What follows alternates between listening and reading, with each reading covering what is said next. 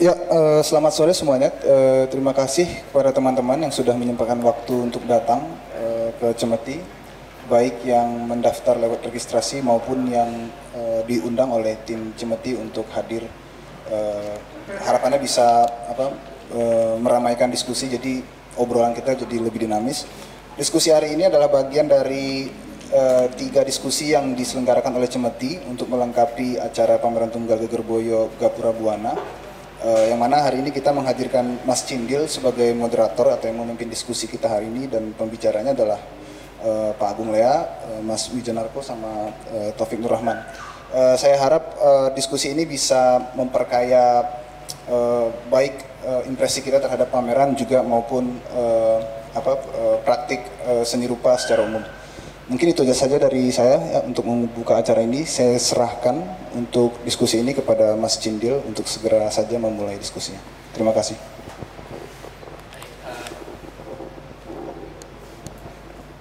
Cek. Oke, uh, terima kasih. Selamat sore kawan-kawan semuanya. Kita akan ngobrol-ngobrol uh, sampai nanti waktu buka. Eh? ya, yang pertama terima kasih pada Semeti yang sudah meminta saya menjadi moderator. Jadi saya nanti hanya bertugas untuk ngebus teman-teman yang ada di samping-samping saya ini untuk untuk berbicara gitu. Terutama yang pojok sana itu tadi dia sudah memilih posisi sebagai striker. Jadi nanti dia akan ngegolkan. Oh, kiper deh. Juga terima kasih pada Semeti yang membuat kami bereuni ya. Kami sebenarnya dari dua fakultas yang berbeda, Fakultas Sastra dan Fakultas Ilmu Budaya yang sekarang melebur jadi satu. Jadi ini kebetulan sekali kami satu alma mater. Uh, saya kenalkan dulu ada Fajar Wijanarko. Dia seorang arsiparis uh, dari Sono Budoyo. Kemudian ada Taufik Nur Rohman. Ini kawan saya seorang peneliti, peneliti budaya dan di pojok sana Agung Kurniawan, seorang seniman dan penghayat. Nah, gitu. Nah, baiklah eh, kawan-kawan, hari ini kita akan mencoba melihat kemungkinan-kemungkinan dari kontekstualisasi gambar. Konteks bagaimana kita tahu adalah segala sesuatu yang menyertai teks atau konteks. Jadi sore hari ini kita akan melihat karya atau gambar yang tersaji yang disajikan oleh kawan-kawan Gegerboyo ini sebagai teks atau koteks. Mungkin dari diskusi yang pertama sebenarnya sudah cukup banyak ya konteks yang dipapar oleh oleh kawan-kawan Gegerboyo sendiri pada waktu artis talk ya. Karena mereka kemudian e, mengisi konteks partisipan artinya dari pelaku sendiri yang kemudian e, memunculkan hal-hal yang menyertai karya mereka. Dan pada sore hari ini dalam upaya untuk memperluas, memperkaya kemungkinan-kemungkinan pembacaan dari karya kawan-kawan Gegerboyo ini. Dan juga memberi keutuhan atau kelengkapan e, Gapuro Buwono sebagai sebuah wacana hadir para pembicara di hadapan kita semua yang nanti masing-masing akan memberikan apa ya responnya, resepsinya dan juga mungkin konteks yang uh, mencoba yang coba mereka hadirkan sebagai upaya untuk memberi makna atau upaya untuk membaca dari Kapuro Buwono. Baik, hmm, kita mungkin bisa segera mulai saja, ngalir saja. Mungkin dari Fajar dulu ya, boleh? Fajar. Nggak apa-apa nanti nyambung lagi nggak apa-apa. Ya.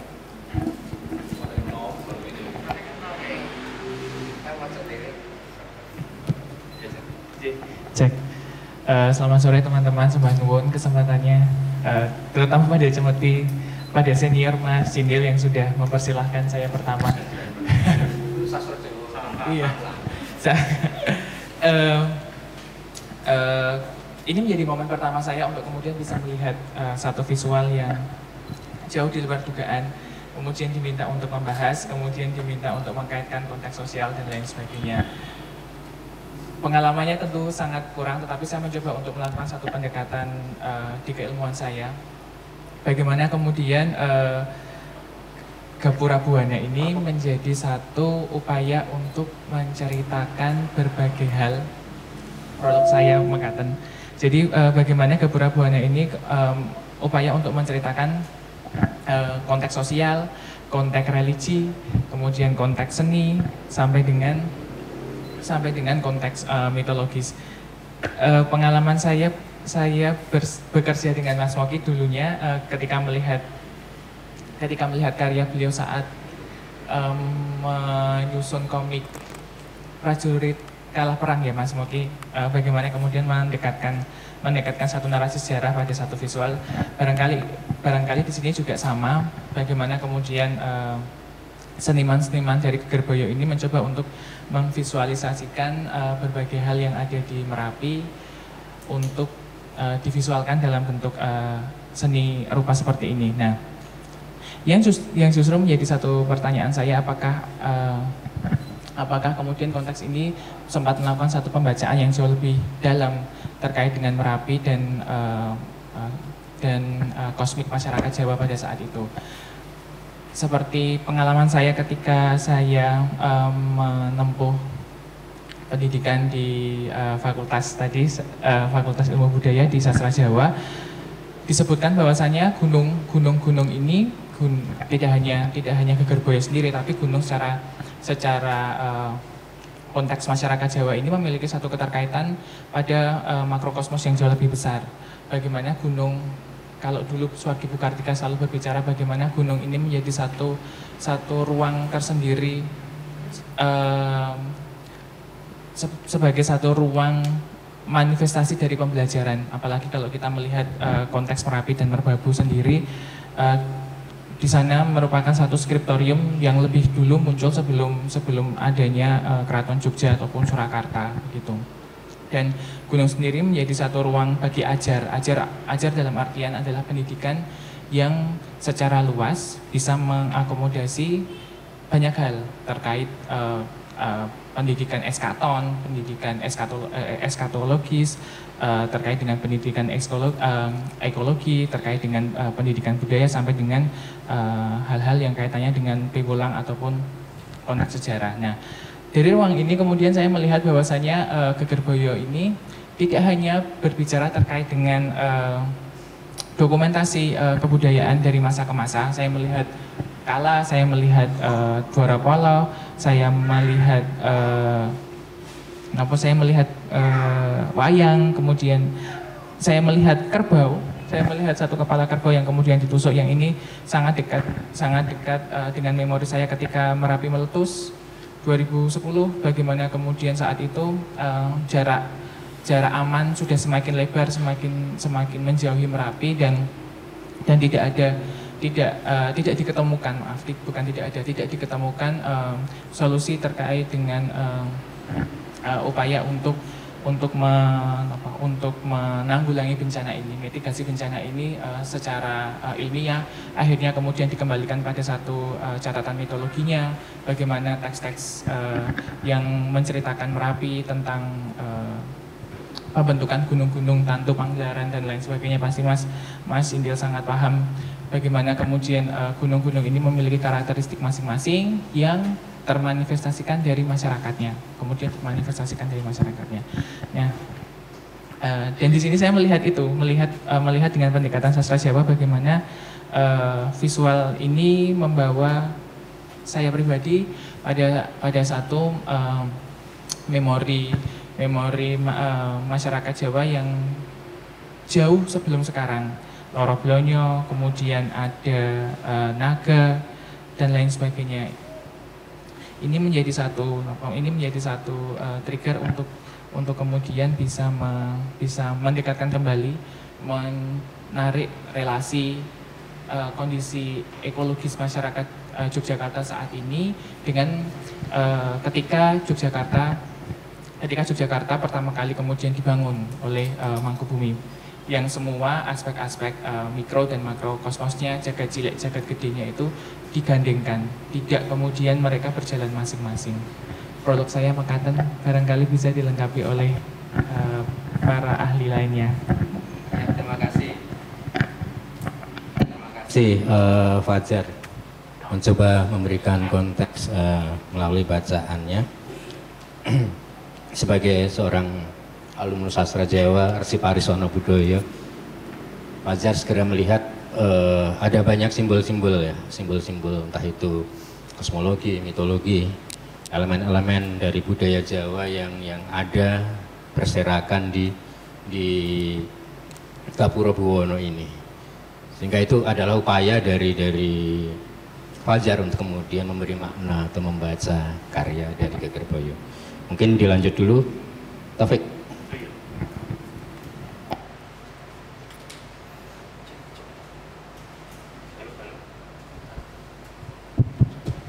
Selamat sore teman-teman semuanya. Uh, ya sebelumnya selamat buat Geger Boyo ya. Uh, Geger Boyo atau Geger Boyo? Oh Geger Boyo. Pikir sudah bisa. Oh, strip strip kan?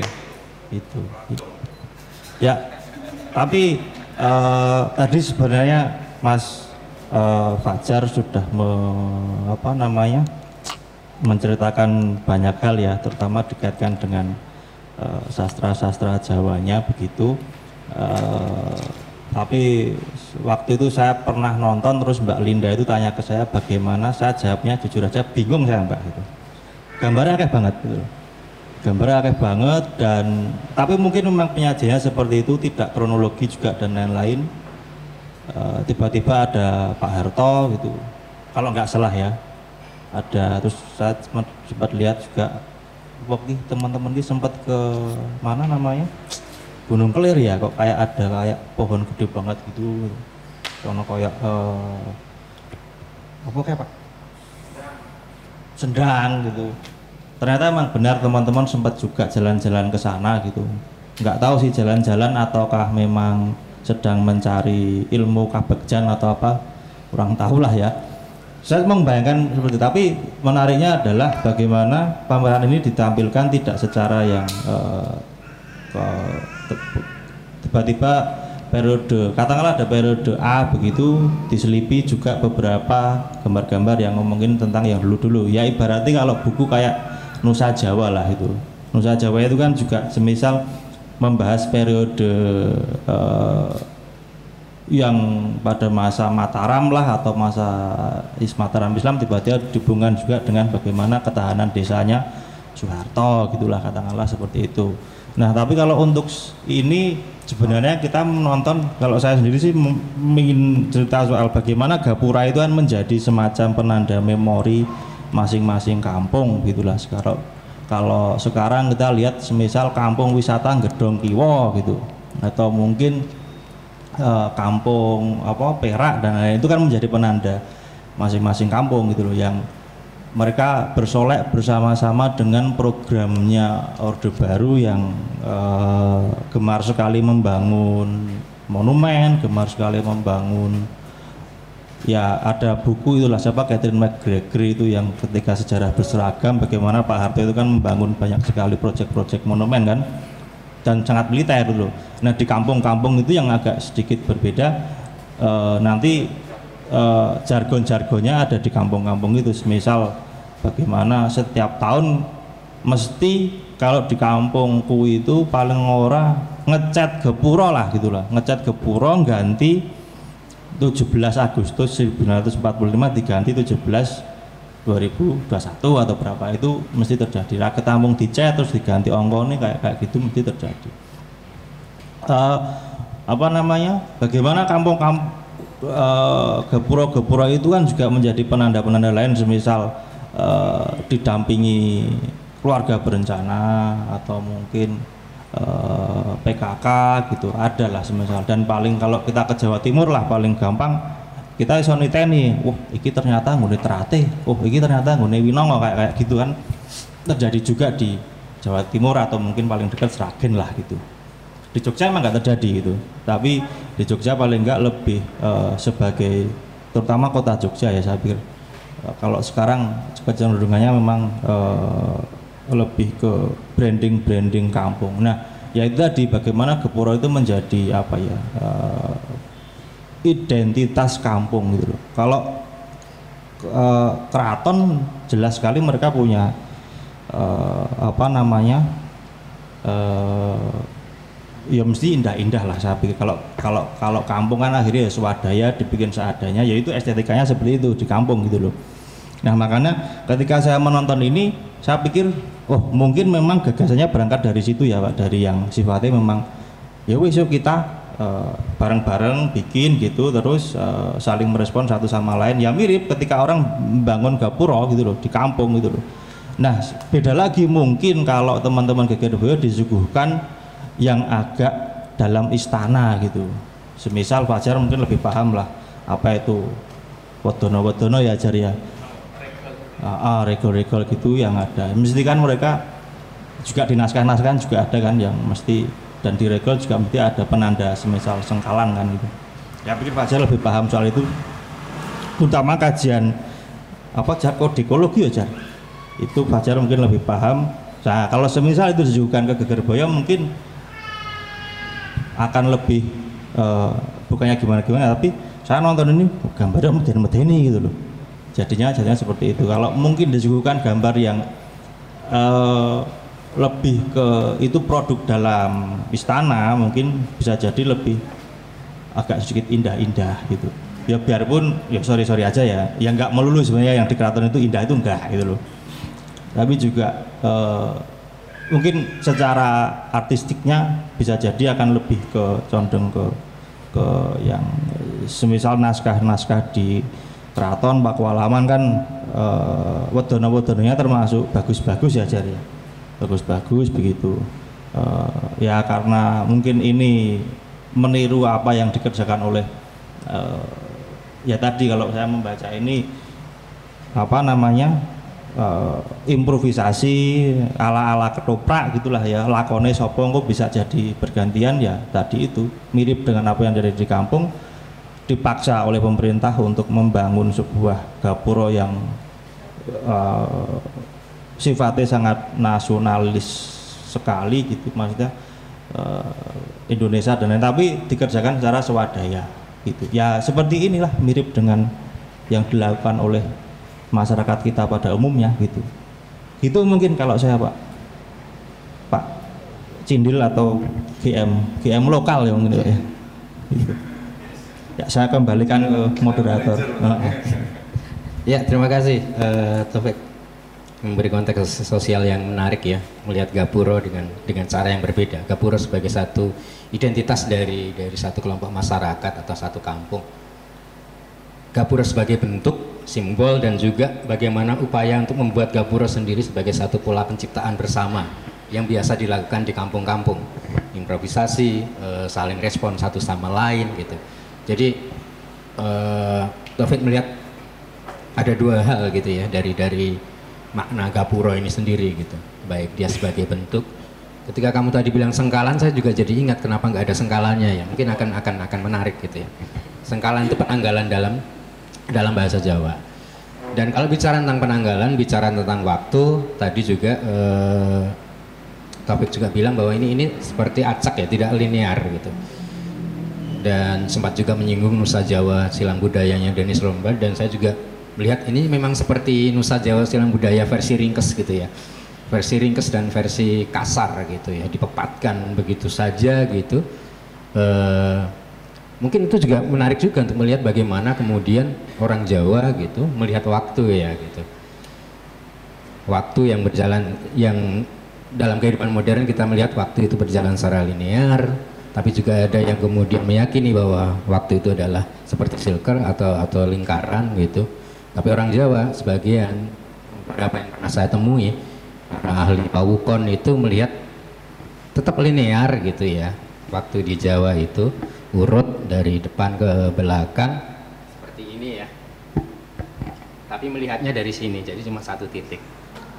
Jadi masa lalu sekarang dan masa depan tuh bertumpuk dan berada di dalam satu titik. Ini juga mungkin menarik ya kalau kita melihat lapis-lapis eh, gambar yang juga eh, di- dibangun oleh oleh kawan-kawan Geger Boyo untuk melihat bagaimana sebenarnya orang Jawa memaknai waktu juga. Ya itu sedikit eh, hal yang tadi sempat dimunculkan oleh Taufik dan saya sedikit aja menambahkan atau merespon dan memperjelas lagi. Nah, sekarang kita sampai pada giliran seorang seniman dan penghayat eh, dari jurusan arkeologi Fakultas Sastra Universitas Gadjah Mada. Silakan. Uh, selamat sore, terima kasih sudah diundang oleh Cemeti dan kelompok Aso Geboy. Aso Geboy itu Asosiasi Seniman Geger Boyo. Saya mengikuti perkembangan teman-teman ini cukup lama. Saya senang sekali diundang dalam sore di sore hari ini yang cerah untuk sedikit berbicara tentang gambar dan konteksnya. Saya membuat catatan ringan sesungguhnya tentang bagaimana gambar ditempatkan dalam uh, medan seni rupa di Indonesia. Tapi saya mau baca kok agak agak biye gitu. Jadi saya singkat-singkat aja ya. Uh, saya langsung ke bagian yang paling terakhir ini. Sebenarnya saya bikin banyak banget misalnya gambar sebagai magi, gambar sebagai uh, colonial tool, science, gambar sebagai metode kerja, alat ideologi dan lain sebagainya. Tapi kok kayaknya terlampau piye gitu. Jadi saya akan mulai yang terakhir aja. Gambar sebagai komodifikasi. Dalam tahap gambar di Indonesia sesungguhnya kita bisa membagi dalam beberapa tahap. Lukisan gua di Sulawesi misalnya itu adalah bentuk satu gambar yang berdiri pada religi magi. Jadi bagaimana orang menggambar sesuatu dengan harapan apa yang dia gambar akan terwujud. Pada lukisan-lukisan gua itu gambar bukan hanya diletakkan pada tempat yang strategis, tapi juga sekaligus tempat yang paling sulit dicapai. Jadi kalau teman-teman lukisan gua itu uh, lukisan gua ditempatkan pada tempat yang tidak semua orang bisa mencapainya, hanya orang-orang tentu saman atau dukun itu yang kemudian punya kekuatan spiritual bisa me mencapai semacam katedral di dalam gua. Uh, gambar berfungsi uh, secara fungsional itu seperti doa gitu. Jadi mungkin pada waktu itu apa namanya bahasa belum canggih seperti sekarang sehingga mereka menggunakan gambar sebagai bahasa sebagai pengganti doa sebagai mantra karena sifat berburu dan meramu membuat mereka tidak punya cukup waktu untuk misalnya mengarang teks uh, sehingga mereka memasrahkan diri pada gambar. Gambar punya peranan sangat penting pada uh, budaya religi magi pada waktu itu. Itu tersebar di hampir uh, apa namanya penjuru dunia di Sulawesi, di Eropa, di di Sahara, di mana-mana gambar itu menunjukkan uh, semacam doa di uh, kalangan suku aborigin sebagai doa, sebagai doa, sebagai pengharapan. Jadi kalau teman-teman lihat ada gambar uh, jari kemudian jari salah satu jarinya nggak lengkap itu berarti sebagai lambang duka cita dan sebagainya. Pada perkembangan berikutnya Uh, kalau kita lihat di Indonesia, kemudian gambar juga dipakai sebagai alat uh, bantu kolonial. Gambar dipakai untuk misalnya menggambarkan flora fauna yang ditemukan di Indonesia, karena proyek kolonialisasi membutuhkan catatan. Ya, catatan waktu itu hanya bisa dicapai dengan gambar. Jadi mereka mencatat bagaimana bentuk kina, bagaimana. Kalau anda buku baca bukunya di History of Java dari dari, dari Raffles, anda melihat puluhan gambar ada gambar candi, ada gambar tombak, itu gambar fungsi sebagai catatan ilmiah, tapi sifatnya sangat kolonialis karena kepentingannya adalah kepentingan untuk eksploitasi. Gambar kemudian digantikan oleh fotografi, tetapi dalam berbagai hal gambar sampai saat ini masih dipertahankan sebagai catatan fotografi yang cukup penting karena kemampuan dia untuk melihat secara detail.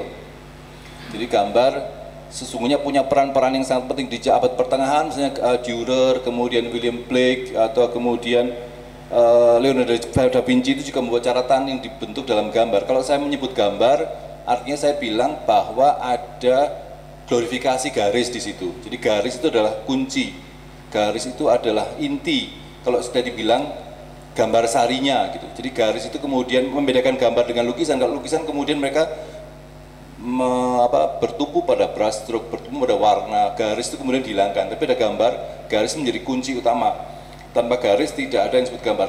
Perkara kemudian ada warna, ada apa dan sebagainya, tapi garis entah itu hitam atau putih itu menjadi semacam apa namanya pembentuk plastisitas. Jadi itu yang kemudian saya sebut sebagai gambar. Kalau kita lihat abad abad pertengahan, gambar juga dipakai sebagai alat propaganda gereja. Kita lihat Abel Dürer dengan apa namanya dengan woodcutnya, atau kemudian William Blake dengan uh, ilustrasi di Divina Commedia dan sebagainya. Jadi gambar sekali lagi punya peran penting yang karena sifatnya dekat sekali dengan apa namanya publikasi dengan mesin cetak. Jadi dia punya kemampuan yang lebih luas. Seperti ga- gambar di tahun-tahun itu mungkin seperti halnya media sosial hari ini. Karena lukisan kan bersifat sangat eksklusif hanya bisa diakses oleh adipati eh, hanya ah, bisa diakses oleh orang-orang kaya. Tapi gambar karena ada mesin cetak kemudian ini bisa diakses lebih banyak orang. Nah peranan gambar menjadi sangat vital dan strategis kurang lebih mungkin seperti sosial media hari ini. Eh, kemudian eh, kemudian sampailah pada fase di mana kemudian gambar hmm, saya perpendek ke gambar kemudian pada fase kalau kita ingat sketsa diisi misalnya kan kemudian isi itu dikenal sebagai sekolah yang didirikan oleh seniman gitu kan. Mereka menggunakan sketsa. Saya ingat betul bagaimana sketsa dipakai sebagai alat juga untuk mencatat situasi sehari-hari ketika saya kuliah di ISI, sketsa bukan lagi catatan etnografi tapi sebagai ekspresi sehingga kemudian beberapa dosen mengatakan garisnya kurang greng, garisnya kurang ekspresif gitu tanpa me- melihat apakah gambar yang saya buat itu dekat, cukup dekat tidak atau cukup tepat te- tidak dengan apa yang saya lihat. Sebelumnya saya sempat ngobrol dengan Pak Lian Sahar kira-kira ketika saya masih berusia 20 tahunan gitu kira-kira ya lima tahun yang lalu lah kurang lebih. Pak Lian Sehat mengatakan bahwa sketsa itu dipakai sebagai alat catatan. Jadi karena tidak punya alat potret, kemudian kit- mereka pergi ke pasar, mereka mencatat gitu dengan sketsa. Jadi fungsinya adalah catatan etnografi tentang situasi sehari-hari. Yang kemudian dari situ orang bisa dari situ akan mereka buat sebagai lukisan, mereka buat sebagai patung atau mereka buat sebagai catatan untuk gerakan berikutnya. Jadi benar-benar fungsinya sangat penting gitu karena seperti kamera hari ini. Nah, karena kemudian ada perubahan rezim, kemudian ideologi sketsa itu kemudian diubah. Nah, Bagaimana peran gambar itu menjadi sangat penting dan vital karena ke- sifat yang sangat sederhana ya, sederhana, sewaktu-waktu bisa dilakukan, murah, sehingga kemudian itu punya efektivitas yang sangat tinggi untuk mencatat, melakukan studi etnografi dan lain sebagainya. Eh, yang kemudian gambar sebagai ekspresi politik itu mulai muncul ya muncul kembali tep- tepatnya di sekitar tahun 90-an. Pada waktu saya ingat ketika eh, menggambar itu dianggap sebagai warga kelas 3. Yang pertama itu saya lukisan, kedua patung, eh, ketiga mungkin apa warga anu lah, apa sudra lah atau parianya seni rupa Indonesia itu gambar karena dianggap sebagai pre-works. Jadi dianggap sebagai gambar apa belum jadi, itu nanti harus dibuat sesuatu. Kak saya karena pertimbangan-pertimbangan tertentu kemudian saya membuat gambar sebagai pilihan utama. Salah satunya yang saya kenapa saya pilih gambar karena itu mudah dan itu murah ya. Sehingga bisa dilakukan di mana pun. Bahkan ketika saya tidak punya cukup uang untuk membeli cat saya bisa tetap bekerja sebagai seniman. Itu pilihan yang saya pakai. Dan tidak banyak seniman melakukan itu karena ya ya karena tidak laku persoalan seperti itu. Sehingga kemudian ketika saya menganggap gambar sebagai pilihan pada waktu saya juga sudah membayangkan karena memang semestanya tidak cukup banyak. Sehingga saya hanya tiga atau empat orang di Indonesia yang kemudian bekerja dengan media ini. Sehingga karena tidak banyak saingannya ya kemudian orang dengan cepat melihat kami gitu. Karena lainnya kan melukis dengan akrilik dan cat minyak. Sehingga mau tidak mau mereka melihat sesuatu yang berbeda mereka menemukan itu pada gambar yang kami buat. Pada waktu kami melihat gambar sebagai bagian saya ingat kutipan yang dari kuat dari Otodis mengatakan garis adalah senjata meskipun terdengar lebay tapi dalam konteks tahun itu menurut saya tepat gitu. Bagaimana kemudian ketika Anda membaca Pram itu harus sembunyi-sembunyi. Mungkin tidak dibayangkan hari ini membaca buku bisa mem- membuat Anda atau mem- me- apa, me- menjual buku bisa membuat Anda dipenjara 15 tahun. Situasi hari ini untuk kemudian merefleksi tahun itu kelihatan sangat lebay gitu. Jadi Autodis mengatakan gambar adalah garis adalah senjata pada tahun itu sangat tepat karena dengan itulah kita kemudian membuat semacam anti mainstreamnya gitu. Karena lukisan itu kemudian bekerja untuk eh, apa namanya kemakmuran ekonomi orde baru dengan membuat eh, lukisan untuk orang kaya dan sebagainya. Gambar difungsikan sebagai ekspresi yang terpinggirkan. Kita bekerja saya juga bekerja sebagai ilustrator untuk misalnya jurnal bawah tanah judulnya independen misalnya atau kemudian buku-buku penerbitan bawah tanah yang kemudian eh, ceritanya tentang misalnya eh, saksi mata saksi mata untuk di Timor Leste misalnya gambar punya peran yang sangat penting karena sifat yang sederhana dan brutal tadi. Nah, sekarang kita kembali pada kita merujuk pada pameran Aso Gebo ini. Eh, pada fase di mana gambar sekarang sudah pada fase yang dikomodifikasi. Apa yang apa yang ciri kalau gambar dikomodifikasi? Salah satunya adalah perumitan. Kedua adalah pe, pe, pe, apa, peralihan med, apa, media, gam, media gambar dari kertas ke kanvas. Ini muncul mungkin pada sekitar 2000-an, 2010-an gitu, ketika kemudian mulai terbentuk uh, kolektor-kolektor muda baru yang kemudian melihat gambar sebagai ekspresi yang patut dikoleksi, tapi mereka tidak mau mengkoleksi kertas. Uh, kemudian beberapa seniman mengubahnya ke dalam gambar, tapi dengan perubahan dalam media dari kertas ke gambar itu diikuti juga dengan perumitan tema-tema dengan sosial politik mulai hilang digantikan dengan tema-tema lebih ya saya kira rumit uh, antara realisme dan surrealisme. Tetapi yang terpenting di situ adalah mereka menggunakan kanvas dalam ukuran yang cukup gigantik dan besar. Gambar pada sampai pada taraf yang uh, uh, uh, harganya mungkin setara dengan lukisan akrilik di atas kanvas. Komodifikasi ini kemudian mengalihkan uh, peran dan fungsi gambar sebagai uh, bagian dari gerakan apa namanya underground di Indonesia. Karena kemudian dikomodifikasi sehingga kalaupun kemudian menggambar yang bersifat underground terlihat sangat genit dan lebay. Uh, perumitan itu juga, juga nampak sebenarnya pada kelompok Asogebo ini. Kalau kita lihat tadi uh, si uh, Fajar mengatakan apa jenenge mau? Beraneka ragam ya? Apa namanya? Saya, kalau saya misalkan tubuh undung. Jadi uh, tumpuk undung antara satu seniman ke seniman lain. Padahal kalau kita lihat Asoy Gebo secara mandiri, mereka terdiri dari seniman-seniman yang karya-karya sebelumnya itu cukup cukup uh, moki. Misalnya itu banyak sekali menggambar uh, mengkritisi dalam tanda petik ya. Quote and quote mengkritisi tentang Jawa. Kita lihat gambar-gambarnya selalu mempertanyakan uh, apa jenis mok? Raja Mati. Prajurit kalah tanpa raja itu sebuah sebuah sebuah uh, ekspresi politik yang sangat kuat sesungguhnya. Demikian juga dengan NK Komar, Ipeh maupun Mastodon atau si siapa jenengi Ultraman Taro. Mereka gambarnya masing-masing pribadi itu naratif kemudian uh, banyak bercerita. Tapi kemudian ketika mereka mengunggah dalam suatu bentuk karya kolaborasi, kemudian seolah-olah uh, pribadi itu memiyuh gitu, hilang gitu e, narasinya tidak nampak ataupun kalau nampak kemudian saling tepuk undung, saling terjuta posisi sehingga kemudian setiap orang yang masuk melihat gambar ini dalam e, keriuhan makna gitu. Kita bingung melihat mulai dari mana, berakhir dari mana. Saya kira itu muncul dugaan saya, saya menduga-duga itu. Jadi mungkin bisa jadi salah. Dugaan saya karena sifat kolaboratifnya hanya pada sampai taraf fisik, bukan ideologis. Uh, lima tahun yang lalu pada waktu bikin proyek di sini ya sama Marianto ya kita bikin proyek di sini ya yang apa namanya yang judulnya itu uh, Sukro di Mejo. Itu kita juga melukis di sini. Tapi yang kita pasrahi itu melukis itu yang bikin sketnya Agus Wage.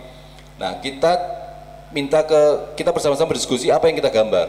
Sehingga kemudian kita sebagai pribadi saya dan Marianto itu hilang se, apa namanya ekspresi visualnya digantikan ekspresi visual Adi sebagai karena kebutuhannya adalah uh, bersifat mencapaikan me, me, menceritakan sesuatu secara lebih jelas. Di sini karena sifat kolaboratifnya itu lebih pada aspek fisik sehingga kemudian tubuh undung itu membuat narasinya yang biasanya sangat vokal, sangat terlihat pada karya-karya mereka itu hilang.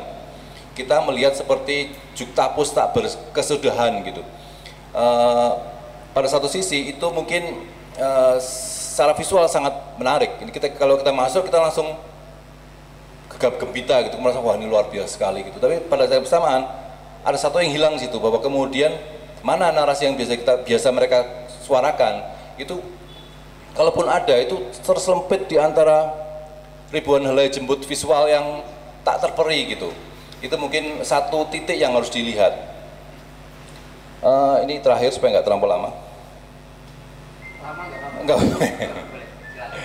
Nah, uh, nah kebetulan dalam dua tiga hari ini saya sedang sibuk membaca bukunya uh, Nancy Florida. Satu ketika dia membahas sebuah naskah Bapak Joko Tingkir, dia mengatakan itu ada sebuah kutipan yang sangat menarik tentang surface surface adalah sesuatu yang ada dalam wujudnya sendiri yang mengingatkan pada sesuatu yang lain. Jadi ini ngomong soal bagaimana realisme uh, representasi dalam uh, tradisi Jawa itu sesungguhnya tidak menampilkan apa yang terlihat, apa yang yang ingin mereka tampilkan apa apa yang sesungguhnya tidak ingin yang tidak terlihat. Jadi dalam bentuk fisik itu muncul sesuatu yang tidak terlihat yang disebut oleh Ben Anderson sebagai sur surface. Nah, ini biasanya kita lihat pada karya mereka secara mandiri, tapi dalam ini kita agak sulit me me menemukannya karena itu tadi ada kekacauan eh, apa namanya semacam macet seperti kita dalam suatu traffic jam kita berbagai macam mobil, andong, becak berhenti pada saat bersamaan sehingga kita tidak bisa ke mana-mana. Agak sulit mengurai kode-kode narasinya pun ketika mereka tidak berupaya untuk, untuk kemudian ini nggak ada narasinya kok ini kemudian bebas terinterpretasi. Saya kira itu sebuah apologia yang harus di harus dikritisi karena sesungguhnya mereka setiap hari bekerja dengan narasi tema eh, kemudian sikap kritis yang yang yang sayang sesungguhnya kalau kemudian dalam uh, loading ini lukisan dinding maksud saya hilang gitu. Sebagai salah satu penggemar Aso Boy saya terkesima sekaligus terkejut saya kira itu dulu aja ya.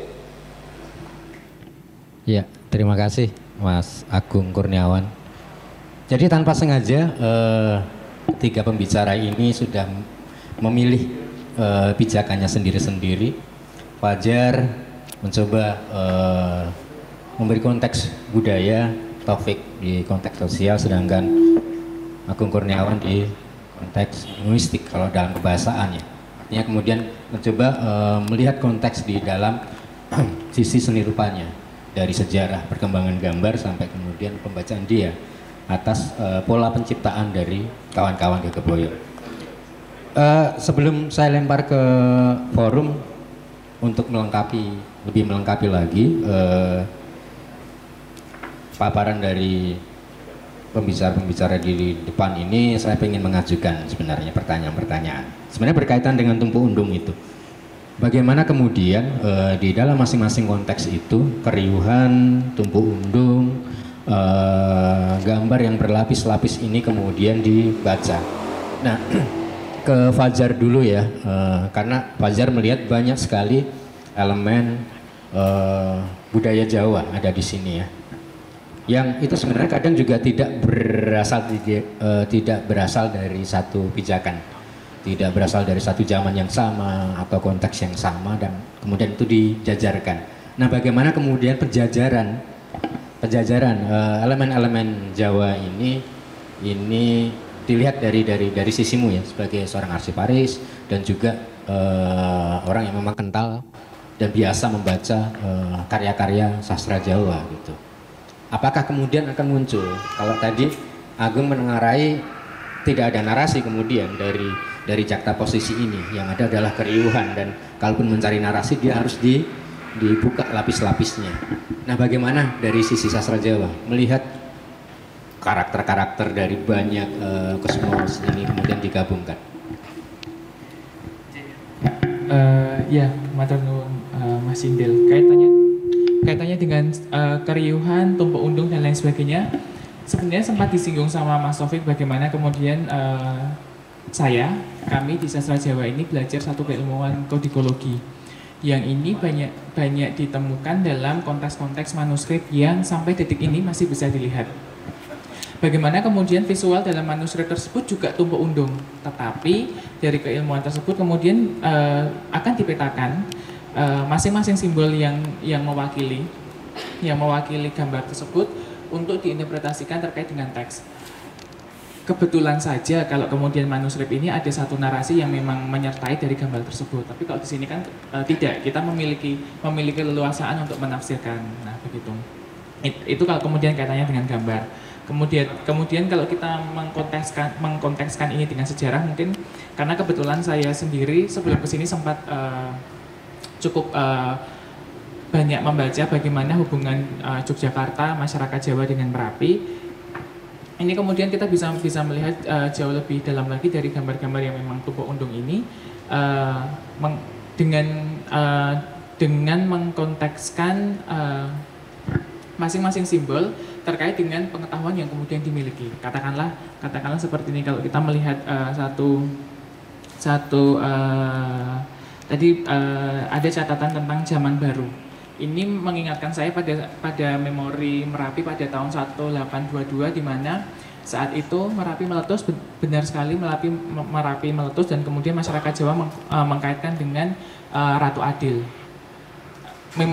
Memori pada saat itu tidak hanya tidak hanya Merapi meletus tapi kemudian ada gempa bumi kemudian uh, Hamengkubuwono keempat juga meninggal Hamengkubuwono kelima yang saat itu masih masih bayi harus naik tahta dan lain sebagainya. Kemudian uh, kekuasaan Jawa yang semakin tereduksi. Nah ini menjadi satu satu catatan sendiri bagi saya bahwasanya uh, visual gambar yang seolah tumpuk undung ini justru mem, men, memberi memberi trigger pada satu uh, pengetahuan sejarah pada satu uh, mozaik mozaik uh, sastra mozaik kebudayaan yang yang lahir yang sudah sejak sudah ada sejak dulu dan uh, dikontekskan pada saat ini melalui visual ini. Nah, tergantung kemudian bagaimana masyarakat ini menafsirkan dan dari sudut mana uh, masyarakat ini kemudian melihat uh, visual ini. Tetapi kalau saya sendiri kemudian melihat melihat banyak visual ini uh, menggiring saya pada pada sebuah narasi yang memang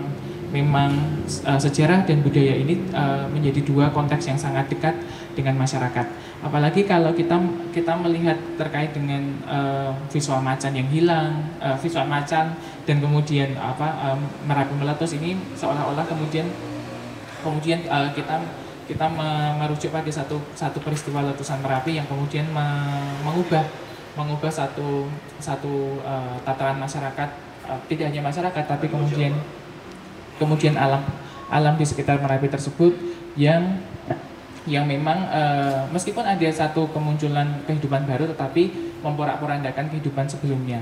Sementara kalau kalau saya sendiri me, ada satu tulisan di sini di uh, karya ini terkait dengan mata air dan tempat ibadah.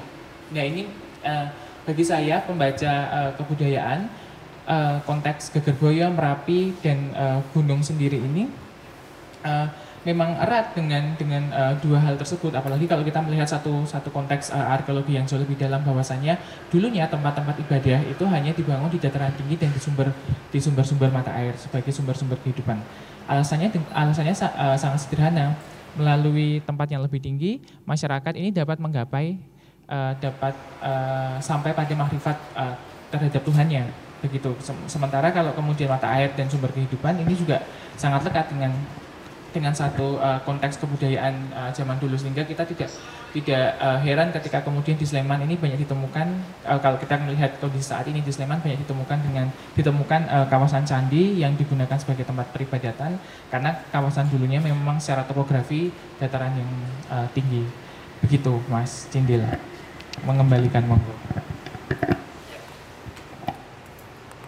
Saya sengaja bertanya pada Fajar untuk lebih melengkapi lagi beberapa hal yang memang tadi sudah sempat di, disinggung-singgung di awal ya.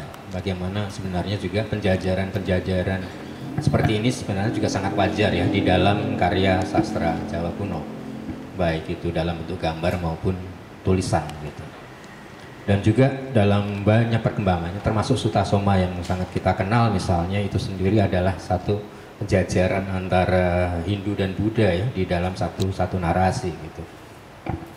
Jadi sebenarnya ada, ada cukup banyak ya. Mungkin mungkin tidak serius apa apa yang e, berlangsung hari ini, tetapi sebenarnya pola penjajaran seperti itu itu itu itu sudah berlangsung cukup cukup lama ya. Data posisi dan kemudian juga e, peminjaman ya peminjaman dari dari entah itu tokoh entah itu apa e, satu elemen tertentu Nah, aku pengen lanjut ke, ke topik dulu. Bagaimana tadi dalam konteks sosial ya. Kaitannya dengan penciptaan bersama. Uh, kamu tadi mencoba melihat karya Geger Boy sebagai satu satu pola ya, modus penciptaan bersama yang kamu melihatnya itu ada di kampung-kampung. Artinya sebenarnya modus penciptaan seperti ini sudah berlangsung cukup lama. Gitu. Nah, kemungkinan-kemungkinan apa saja yang misalnya di, bisa dibuka ya dari dari modus penciptaan bersama ini. Kalau tadi Agung Lia sempat menyinggung kemudian hilangnya ya identitas uh, atau ciri dari dari individu-individu di sana gitu. Sementara di sisi yang lain sebenarnya penciptaan bersama adalah memang upaya untuk kemudian menghilangkan diri dan kemudian uh, menyatakan dirinya sebagai satu bagian dari dari komunitas.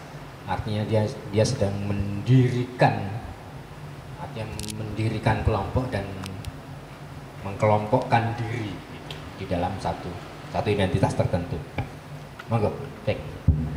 Ya, tapi mungkin sebelumnya saya jadi ingat tadi Fajar bilang 1822 itu ya Jar ya. Tapi itu kurun yang menarik sebenarnya di periode-periode periode itu karena itu kolera juga ada, gagal panen juga ada, gunung Merapi jeblok. Tapi di situ seperti yang disampaikan oleh Pak Agung tadi bahwa gambar itu kalau kolonel punya kepentingan untuk uh, apa tadi namanya Pak? Nah, eksploitasi gitu ya. Ya no ilmiah ilmiah sedikit ya sebenarnya. Itu kan juga di periode-periode itu ketika Van der Kapellen juga mengirimkan sorry kalau nggak salah ekspedisi Merapi Merbabu di tahun itu ya jadi di periode-periode itu ya pertama kan maksudnya untuk pendataan juga ada tapi juga beliau juga mengirimkan beberapa pelukis-pelukis untuk gambar dan lain-lain. Itu periode yang menurutku menarik juga sih sebenarnya. Kisroe ya ono indah-indah ya ono gitu. Biarpun kalau kata Peter Carey itu seharusnya itu disebutkan sebagai uh, uh, Jawa akan muncul yang baru apa aku lupa ya ya di Ponorogo itu kan karena beda dan sebenarnya mengarap ngomong di Ponorogo ya nganggo bahasa gitu loh dia gitu loh. Oh, gitulah semacam itu. Terus kalau menanggapi yang tadi yang uh, Mas Gunawan Marianto sampaikan uh, apa ya Pak ya? Mungkin masing-masing apa namanya karena ini kolektif ya pak ya. Mereka punya ciri-ciri sendiri dan lain-lain. Saya juga nggak nonton prosesnya Sopo wae sing akhirnya ditumpuki dan lain-lain tumpuk undung tadi kan katakanlah begitu kan. Kita nggak nggak nggak nggak tahu sih cuman paling tidak apa yang dilakukan oleh Geger kan sebenarnya uh, ya yang ada di ingatan orang-orang di Jawa terutama ya gambarnya ya semacam semacam kayak kayak gini sebenarnya. Yo macan apa kalau di gunungan kan misal paling macan banteng gitu. Itu kan kalau mau ngomongin lebih lanjut katanya itu nafsu dan lain-lain. Ya itu nggak tahu tak adek gatok apa apalah ya tapi semacam ada ada filosofi filosofi tapi itu kan ciri khas orang-orang Jawa memang seperti itu.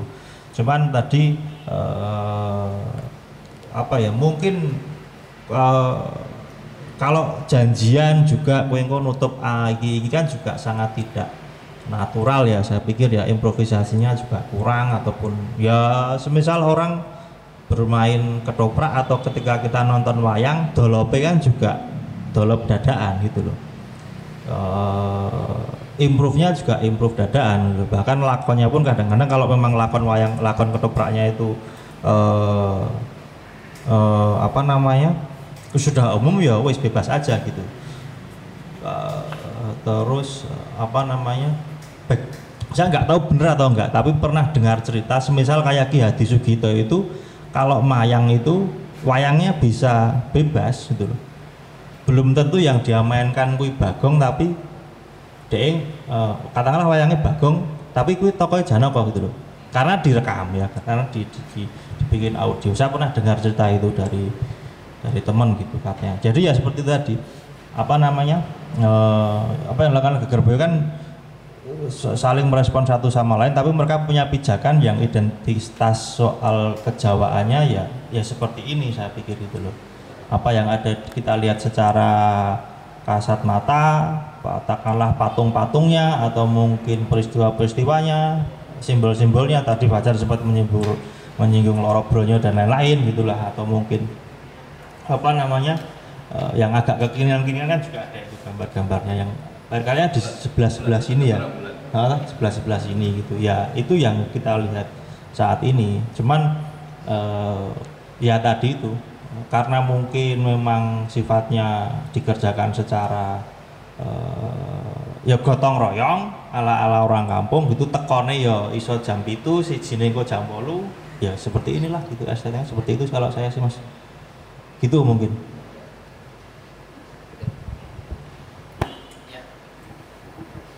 Makasih Taufik. Saya mungkin sedikit juga menambah tentang proses penciptaan bersama ini ya karena itu juga salah satu pendekatan ya yang saya kawan-kawan teater garasi gunakan ya itu hampir sama sebenarnya gitu kan. Eh? teater garagi. Ya. Jadi memang uh, kami menggunakan metode penciptaan bersama ya. Uh, untuk membangun atau menciptakan karya. Jadi memang bersama-sama. Sebenarnya uh, bukannya tanpa kalau improvisasi di dalam dalam seni pertunjukan tradisi kan memang dia bukan ngarang ya, tetapi dia punya kerangka bermainnya gitu. Ada pijakan bersama. Kalau tidak ada pijakan bersama kan susah untuk kemudian uh, bermain ya, atau kemudian mengembangkan cerita itu atau berimprovisasi di dalam proses penciptaan bersama yang yang di sering saya lakukan di teater garasi itu juga sama menentukan pijakan bersama dulu ya.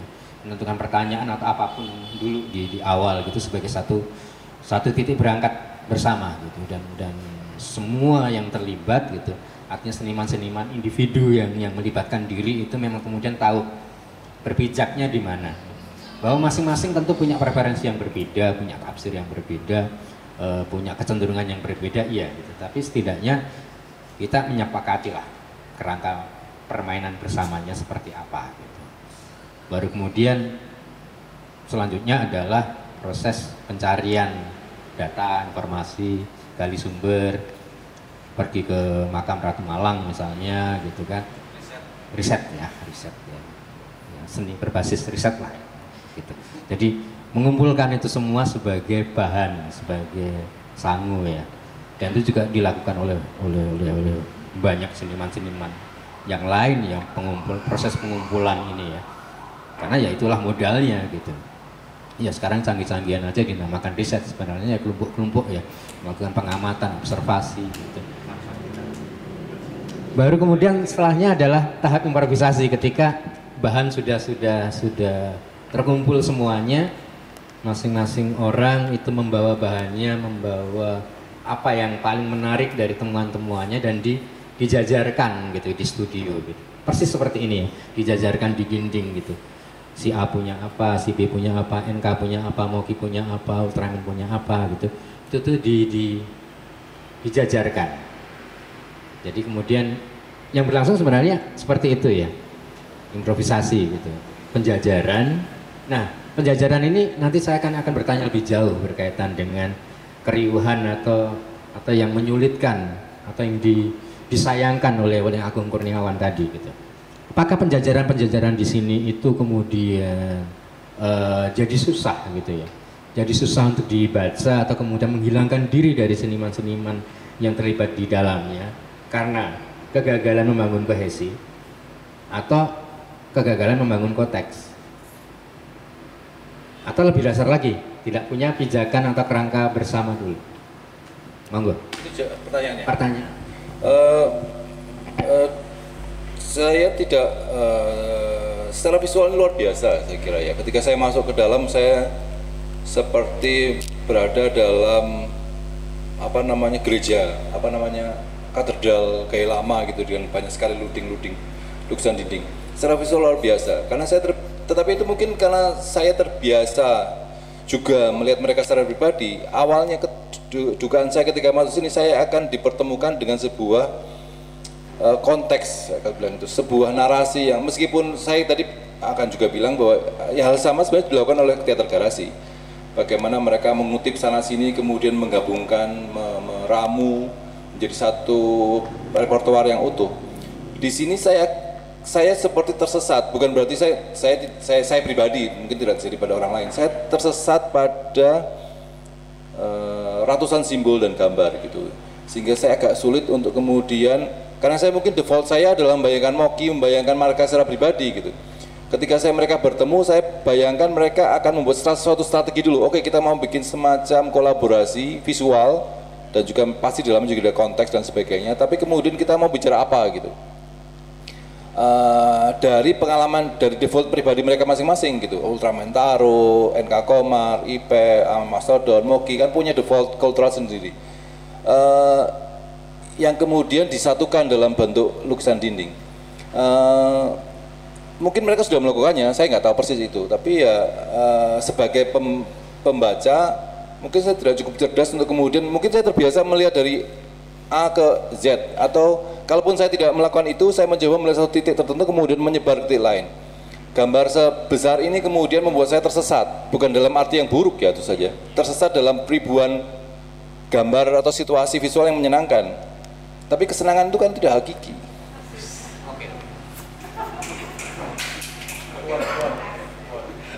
Jadi apa ekstase gitu. Saya masuk dalam ekstase gambar gitu. Wah seperti kita makan kenyang banget gitu. Jadi uh, saya sampai titik lalu sebenarnya saya di mana saya harus berhenti gitu.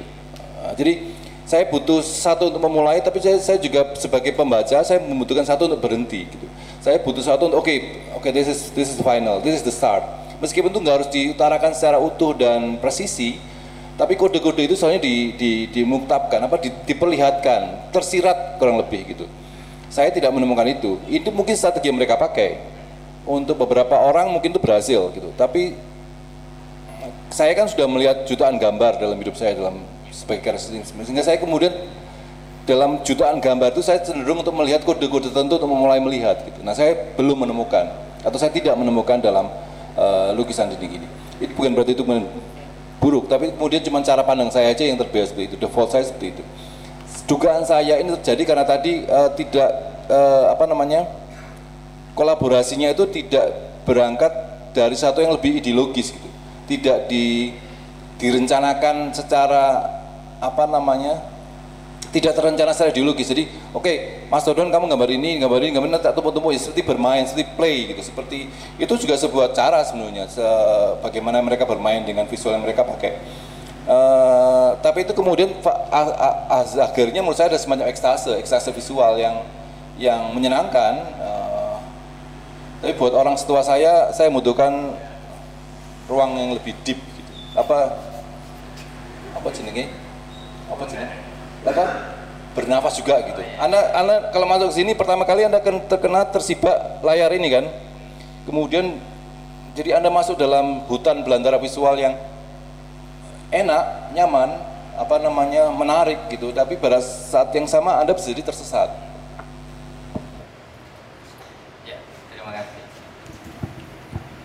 Uh, Agung Kurniawan tadi terakhir menyebut soal kode ya, kodifikasi. Di dalam tahap penciptaan bersama memang ada ada proses kodifikasi. Itu setelah improvisasi. Jadi upaya-upaya untuk mengkodekan, menseleksi dan memberi kode pada hasil-hasil improvisasi. Nah, saya kurang tahu ya, apakah di seni rupa itu akan bisa berlangsung ya? Mungkin bisa ya dengan blog misalnya ya. Bisa kan? Tetap bisa dilakukan. Jadi, ya, kalau cerdas bisa ya. Oke. Okay. mungkin menurut uh, dugaanku ya, kan di proses kodifikasi ini yang belum, yang belum belum belum belum berjalan terlalu tajam gitu ya. Proses improvisasinya sudah sudah canggih, lancar, terlihat dari dari dari dari banyaknya ya imaji yang menyesatkanmu misalnya. Ya, kalau visualnya hmm, hmm. ini apa Basuki Abdullah pasti menangis ke ruang ya, ini. Ya. Pasti menangis, menangis ah terkapar termehek-mehek gitu melihat ini. Ini luar biasa. Ini mungkin satu mural terbaik yang saya lihat sejauh ini sebagai saya sebagai berkarya seniman lebih dari 30 tahun. Terima kasih, terima kasih. Ya, ya aku pengen garis bawah itu di, di, di kodifikasi itu. Juga tadi Fajar juga menyinggung ya soal soal kode-kode itu. Namanya Fajar, istilahnya aku lali ya, sudah lama keluar dari sastra Jawa. ya, ada ada proses kodifikasi pengkodean gitu ya.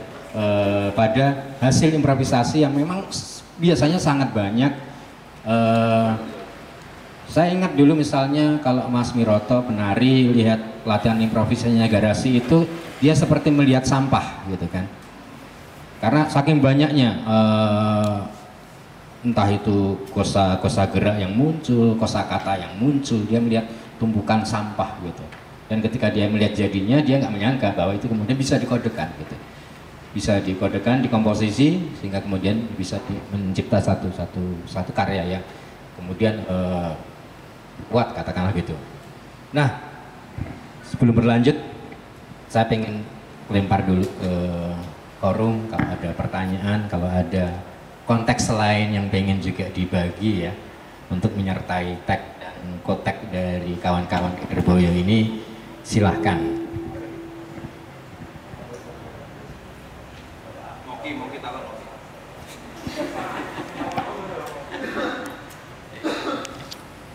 Silahkan ada pertanyaan atau hal yang pengen dimunculkan. Oh, Mar punya pengalaman yang sama kan kerja di di ruang itu juga. oh iya. Marianto bisa kasih respon. Marianto, Marianto, Marianto. Ya. Ya, ya. mic mic. Ini Iya. Tes. Iya, terima kasih. Terima kasih. Tes. Dah. Iya, kalau saya pertama melihat ke sini ya langsung terkagum ya karena saya juga pecinta mural dan suka membuat mural. Eh, juga pertanyaan sama. Pertanyaannya juga sama ketika datang pertama nanya sama NK ini.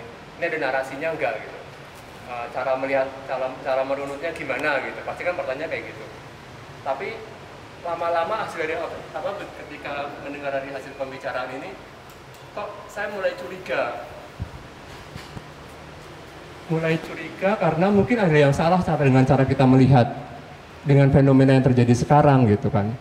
Kayak misalnya mungkin orang-orang lama melihatnya seperti segala sesuatunya harus dalam jeru kemudian linier gitu. Orang-orang lama gitu. Kayak misalnya orang-orang lama itu sukanya baca buku berhari-hari baca buku itu terus sampai jeru gitu kan. Kayak gitu. Jangan-jangan kita salah gitu kan cara melihatnya. Kayak misalnya kita melihat TikTok, lagunya ini goyangannya ini gitu. Bisa bisa beda. Atau cara kita melihat bangun pagi scroll dari baca politik, sejarah, agama, religius, kemudian eh, dangdutan gitu. Kayak gitu cara melihatnya kayak gitu. Tumpang tindihnya itu bahkan lebih ra- lebih acak gitu. Nah saya malah melihatnya ketika melihat sini kayaknya kita lihatnya gitu tergantung cara kita memilih aja. Aku malah lihatnya oh aku cuma menghubungkan merapi kemudian yang aku tahu dengan referensiku yang ada gitu kan. Dan menurutku juga kayak sekarang itu melihat sejarah itu juga zaman sekarang kayak anak muda melihat sejarah itu nggak pernah dalam. Ya samar-samar tapi dikelumpui siji-siji gitu ya ngomongin 65 oh iya ada filmnya ini. Oh iya itu ada tugunya ada ininya gitu. Tapi akar akar masalahnya tuh rancu gitu. Yang dari versi TNI yang dari versi agamawan yang dari versi ini yang dari versi bapak saya kemudian yang versi ulama tempat saya mengaji itu akan berbeda gitu. Dan terus cara mereka bersikap tuh juga nggak jadi ideologis ke bahwa saya anti PKI atau saya membenci yang tapi ya ya udah itu terjadi gitu aja. Terus eh, TikTok tetap jalan. Gitu. Ah, itu kecurigaan saya aja mungkin gitu. Mungkin ada cara pembacaan yang lain gitu. Jadi tidak bisa serta merta dengan cara ini kan orang lama semua nih saya tahu nih. Lihat. Mesti yang jeru-jeru daki-daki gitu. Coba bisa nggak dinilai seperti itu? Terima kasih. Saya mungkin jawab ya. Mungkin jawab karena saya tertarik dengan tes tes tes. Saya tertarik dengan Marianto. Saya awalnya saya juga saya ingin menyederhanakan dengan cara begitu karena mereka berada dalam generasi yang hidup dalam liberalis- liberalisasi liberalisasi informasi ya. Sehingga mereka men- menemukan situasi seperti itu. Tapi ruang ruang seni, galeri, seniman itu adalah fase di mana Anda harus melihat menurut saya pribadi untuk melihat secara, secara, secara- sesuatu secara lebih eh, berbeda. Dalam istilah Ben Anderson, Ben Anderson tadi katakan surface gitu. Jadi eh, alih-alih kita mengikuti apa yang sudah dilakukan oleh banyak orang, sesungguhnya kita bisa menawarkan sudut pandang yang berbeda. Pun ketika kita melihat cara yang sama, jadi kita melihat apa namanya liberalisasi informasi itu sebagai sebuah fakta bukan berarti kemudian kita bekerja dengan cara yang sama gitu menurut saya yang dibutuhkan uh, tadi menyebut ada istilah kodifikasi bagaimana ada pengkodean sehingga orang tidak kalau saya tersesat jadi yang lain tidak. Tapi saya ingin melihat melihat dari sudut pandang yang non non hari ini gitu. Bagaimanapun kalau situasi kayak begitu kan tidak bisa dicegah. Tapi apakah kemudian seniman juga seturut dengan situasi itu? Bisa nggak sih seniman kemudian me, apa jenenge bleset. Bahasa Indonesia bleset itu. Ah, bukan melawan arus. Kalau melawan arus kan terlampau gigantik gitu. Apa namanya? Um, uh, meleset ke atau sudut pandangannya adalah di oke uh, seperti yang dialami oleh Anto itu situasi hari ini. Tapi sebagai seniman kita punya ruang untuk kemudian oke apa jenenge? Mundur sidik delok gitu lebih. Bukan ini masalahnya bukan hanya deep dan apa jenenge? Uh, surfaces ya bukan dalam dan dangkal sesungguhnya. Ini juga karena setiap hari kan kami mengalami itu. Saya mengalami itu juga kan membuka membaca itu sebagai sebuah seperti informasi itu kan nggak berhenti gitu ketika saya datang galeri saya membutuhkan oke okay, saya apa yang saya lihat gitu saya galeri itu seperti sanctuary buat saya ruang seni seniman itu sanctuary dari kehidupan kita sehari-hari yang dibombardir oleh sekian juta informasi per detik misalnya. Nah itu yang saya butuhkan. Kalau saya selalu membutuhkan itu pada ruang seni sehingga kemudian ketika saya tidak menemukan itu saya merasa ya itu sehari-hari yang saya terima gitu. Uh, ada nggak ruang seni sebagai jeda gitu? Ruang seni sebagai pause. Saya tidak mengatakan alternatif, bahkan hanya pause. Jadi saya masuk ke Cemeti, saya oke okay, ini mereka mengalami hal yang sama seperti saya, mereka mendapat yang sama, tapi mereka mengolah secara berbeda. Tersesat ini menarik, bahwa saya ini pameran ini pameran menarik, tapi tersesat itu uh, sejadi juga sebuah itu pengalaman sehari-hari bagi kita hari ini. Jadi kalau saya ingin mengalami hal-hal yang lain sebagai seorang yang setiap hari tersesat, wajar gitu saya kira. Bukan berarti ini kemudian ini kan saya menawarkan satu sudut pandang yang berbeda gitu kan.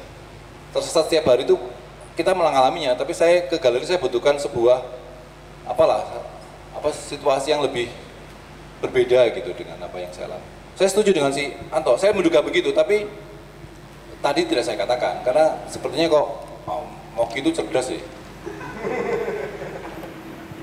ya uh, menarik ya karena kemudian di sini Lea menanggapi itu untuk melihat kemudian fungsi atau peran dari seni atau ruang seni ya uh, bagaimana ruang-ruang semacam ini seharusnya gitu bisa menawarkan kenyataan yang lain atau cara pandang yang lain atas atas du, bagaimana dunia bekerja hari ini. Jadi ini memang jadi sanctuary, jadi jadi ruang jeda, ruang istirahat dan ruang untuk sebenarnya memaknai apa yang berlangsung di luar gitu ya. Karena apa yang di luar itu tentu saja akan dibawa masuk ke dalam dengan sendirinya, ya? dengan sendirinya gitu, mau tidak mau gitu.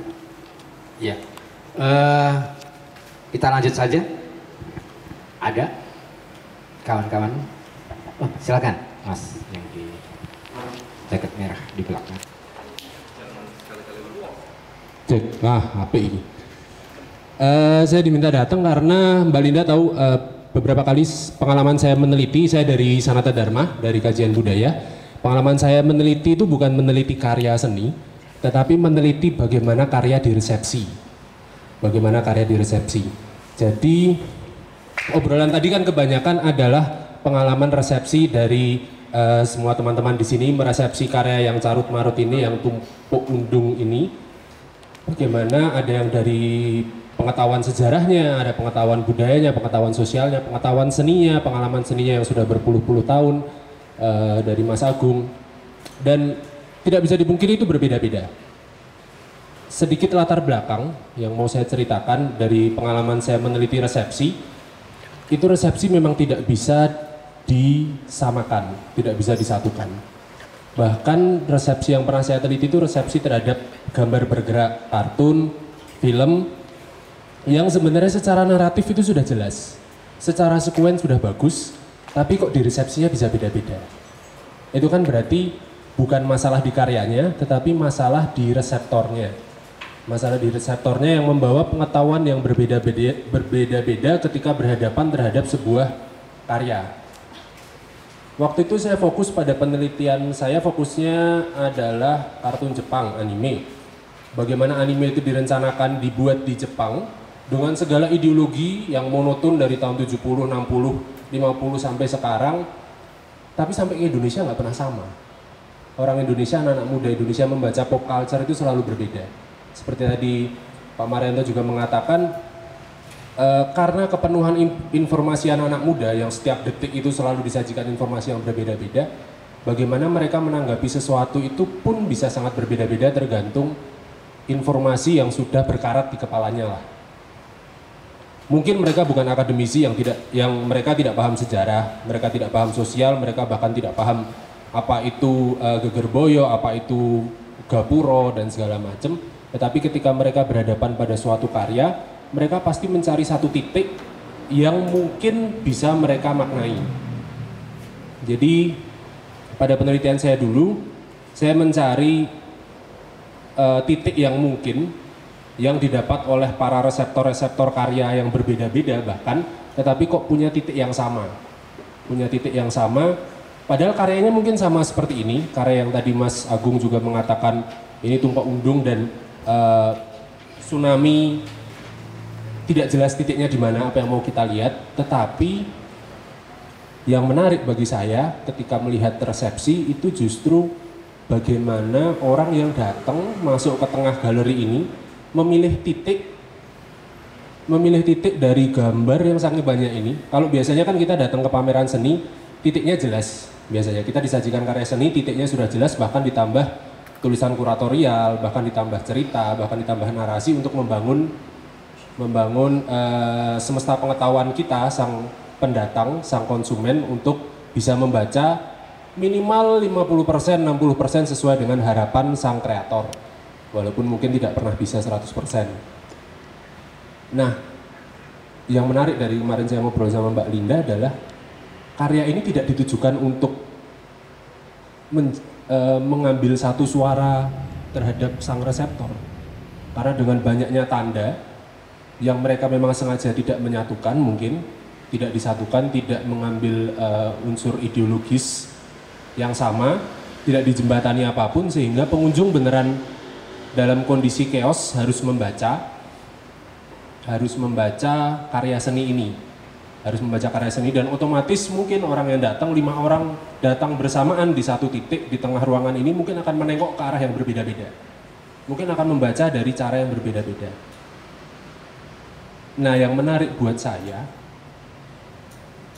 itu perbedaan cara baca yang terbentuk tersebut justru karena banyaknya tanda yang tidak berusaha dimaknai monoton tadi, perbedaan cara baca yang uh, sangat bervariasi tersebut, apakah diprediksi oleh para kreatornya? Perbedaan cara baca tersebut apakah diprediksi oleh kreatornya? Dan itu mungkin nanti bisa ditanggapi yang pertama dan yang kedua ketika sang kreator yang memang tidak berstrategi non sistematis dalam membuat karya ini hanya menggambar tumpuk undung tadi. Ketika semua sudah jadi tiba-tiba kembali lagi ke tengah galeri ini. Ada nggak yang berubah dari uh, jiwa seninya teman-teman kreatornya? Ada yang berubah nggak? Karena kan mungkin ketika kita menggambar sesuatu, kita berkreasi sesuatu kan kita ingin punya tujuan, ingin punya satu titik apa. Tapi begitu tidak direncanakan itu tumpuk undung, ada nggak sih yang berubah? Kesampaian tidak uh, strateginya teman-teman? Atau memang ini hanya hanya dari awal strategi teman-teman untuk membuat kecarut marutan persepsi sang konsumen yang datang, uh, sang reseptor yang datang begitu. Itu pengalaman itu sedikit sharing dari saya dan saya nanti mungkin minta ditanggapi oleh senimannya karena jujur saya melihat dari sini saja saya tidak tahu saya harus melihat ke titik yang mana. Saya tidak tahu harus memulai cerita membangun cerita galeri ini dari mana gambar ini dari mana. Jadi saya minta tolong kepada para kreatornya. Kira-kira setelah kalian selesai membuat ini ada yang berubah nggak? Ada yang berubah nggak dari proses teman-teman? Itu. Begitu saja sih itu dari saya. Ya terima kasih Mas Ben uh, sebelum nanti saya lempar ke kreatornya karena Ben minta tanggapan langsung ya. Kebetulan kreatornya juga hadir semua. Uh, saya ingin menggarisbawahi bahwa keacakan tumpuk undung ini bukan berarti nggak pakai sistem ya. Ada pendekatan penciptaan yang dipakai gitu kan. Itu tadi yang beberapa kali sudah di, disebutkan. Bukan berarti juga ngawur dan kita perlu cek juga apakah e, mereka punya pijakan atau tidak gitu. Dan setahu saya sih punya.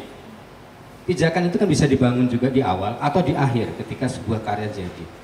Bagaimana kemudian Gapura Buwono ini juga diambil sebagai satu tajuk itu kan berangkat dari makna yang sudah di, di, disematkan ya secara bersama oleh oleh oleh kolektif Gegerboyo. Itu. Eh, siapa dulu yang mau menanggapi dari Gegerboyo diprediksi atau enggak sih kemudian apa eh, bagaimana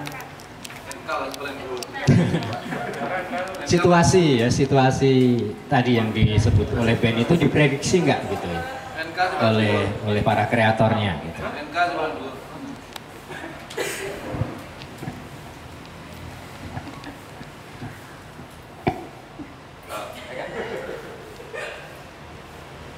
Eh, menanggapi apa tadi?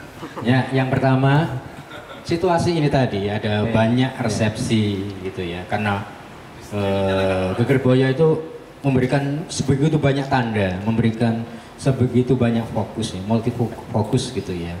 Eh, pengunjung itu kemudian seperti di- dibebaskan untuk kemudian mengambil titik-titik tertentu gitu kan dan membacanya, meresepsinya dengan cara yang berbeda-beda. Apakah ini diprediksi oleh oleh kawan-kawan Gegerboyo?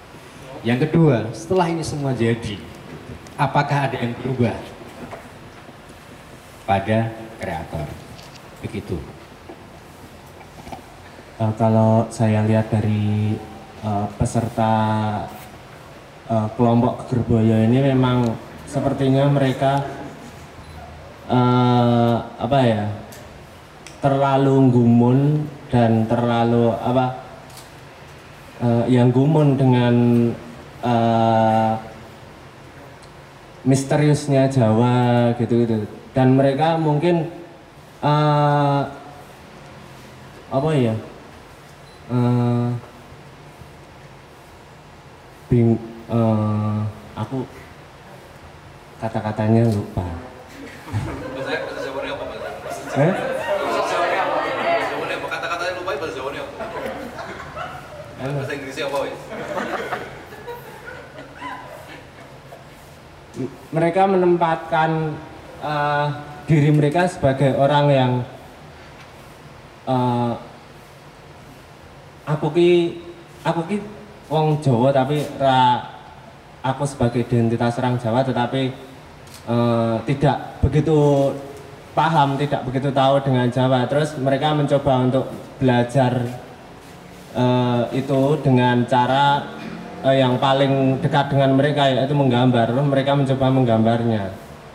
Terus kayak eh, kalau saya lihat di sini kan ada banyak sekali gapura-gapura yang dibuat dari kain transparan itu ya. Kalau nggak salah ada enam gapura gitu. Terus di enam gapura ini sebetulnya ini ini mereka sedang eh, menyimbolkan apa sih? Mereka sedang membuat apa? Terus dengan banyaknya simbol-simbol gambar juga ini eh, apa yang pengen disampaikan oleh Gegerboyo itu? Atau mungkin gapura ini itu eh, menyimbolkan dari banyak hal dari waktu terus perpindahan wilayah karena membicarakan tentang gapura tentu saja membicarakan tentang perpindahan wilayah terus atau eh, pertanyaan-pertanyaan dari eh, individu mereka sendiri gitu. Aku kudu piye aku kudu milih apa gitu. Aku kudu pindah atau harus eh, atau mengambil keduanya gitu. jadinya melebu metu melebu metu atau gapura ini dibuat dengan transparan untuk tujuan itu untuk tujuan bisa melihat di sisi lain dan di sisi sini juga bisa itu terus apa hubungannya dengan eh, dunia? Gapura buwono gapura dunia. Apa apa toh atau mungkin karena ga, gapura itu? Karena eh, aku pikir ya eh, aku punya pikiran sendiri ya pikiran yang agak ngawur tentang keenam gapura ini itu nggak tahu kalau teman-teman Gegerboyo punya pikiran lain saya nggak tahu. Ini pikiran saya sendiri jadi kayak apa itu namanya? Ini kan ada enam gapura ya. Karena kehidupan manusia itu eh, juga sebetulnya memiliki enam enam gapura kalau menurut saya. Ketika eh, linggayoninya orang tua kita, bapak ibu kita saling bertemu lalu eh, apa itu namanya? Eh, cairan cairan eh, cairan kehidupan disemprotkan itu itu kita memasuki gapura pertama itu. Oh, ah, dia melebu gapura pertama ini. Terus ketika 9 9 bulan 10 hari ya kita di kandungan ibu kita mem- memasuki gapura kedua ini brojol cenger bayi metu gitu oh ini gapura kedua terus gapura ketiga itu atau mungkin ketika kita masa balik seperti itu. Kita sudah tahu antara baik dan buruk kita sudah mulai eh, disuruh orang tua kita untuk ibadah. Kita sudah disuruh sholat mungkin suruh berangkat ke gereja gitu terus eh, ketika itu beranjak dewasa kita bertemu dengan gapura ketiga. Terus kita akan berjumpa lagi dengan gapura keempat itu. Kita akan menikah gitu. kita membuat eh, apa itu namanya eh, keluarga baru dengan kekasih kita dengan istri kita terus mempunyai anak dan lain sebagainya. Terus nah di gapura kelima itu kita di umur-umur ya setelah menikah lah. Mungkin ya nggak tahu kalau yang lain. Kita kita mempertanyakan itu tadi. Makanya kan kebetulan ini kalau nggak salah apa gerombolan Gegerbaya ini udah menikah semua ya kalau nggak salah tuh nah itu itu mulai mempertanyakan kembali sebetulnya. Kenapa menikah? Apa? Ya ya enggak. Apa? Orang menikah ya sih. Apa? Mempertanyakan kembali eh, ya sesuatu yang dipertanyakan dirinya gitu maksudnya aku ki kudu piye to? Aku ki aku ki wis ora.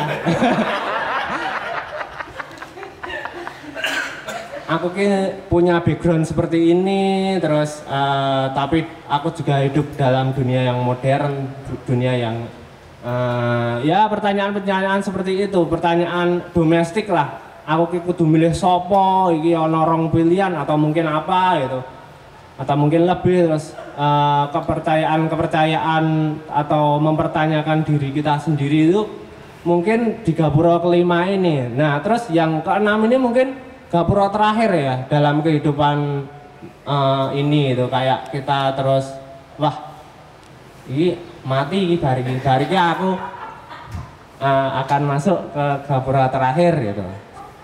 Mungkin eh, kalau aku melihatnya seperti itu sih. Ka- kalau nggak tahu kalau teman-teman kegerbaya yang lain kalau sepertinya eh, mereka terlalu gumun dengan eh, kemisteriusan eh, identitas mereka sebagai orang Jawa terus eh, mereka juga ya seperti itu terus kalau pertanyaan yang kedua tadi eh, sebetulnya karya ini tuh dibuat ya itu tadi tumpuk undung carut marut terus eh, karena saya ke sini ya waktu mereka membuat karya itu saya sempat ke sini itu beberapa kali ke sini saya ikut mereka membuat karya itu. Oh begini ya apa itu namanya metode mereka. Ternyata ya carut marut itu mereka apa itu namanya eh, rebutan tonggo rebutan apa eh, tangga gitu Terus mereka juga anu apa itu namanya? Suatu hari itu mereka waktu saya ke sini mereka anu mengajak saya juga itu. Eh, eh kak, ayo anu melu anu nginep dijak ono seniman lawas yang pengen apa eh, nginep neng kuburan Ki Ratu Malang meluran. Wah aku jiri ya aku. Tapi terus mereka berangkat terus ke keesokan harinya mereka lalu menggambar kuburan-kuburan. Uh, wah mereka mendapat ide mungkin di sana atau mendapat wisek apa nggak tahu saya. Met, apa asik tapi melihat cara kerja mereka itu memang eh, unik gitu loh. Terus apa itu namanya? Mereka itu ka- kalau nggak salah denger ya, mereka tuh memang eh, membuat karya ini secara random. Jadi wah ben kok rarusan pengunjungnya dong poras yang penting nggarap ngono ta. Terus eh, kita itu eh apa itu namanya maksudnya mereka itu mungkin sengaja agar aneh ya membuat eh, sinum apa tsunami visual ya agar apa pengunjungnya itu eh, kebingungan. Iki iki opo to? Iki iki kok ono ono pertamane pindah pindah ngulon. Oh biar itu nanti anu aja kata si Mas Moki biar anu audiens yang memaknai sendiri aja itu.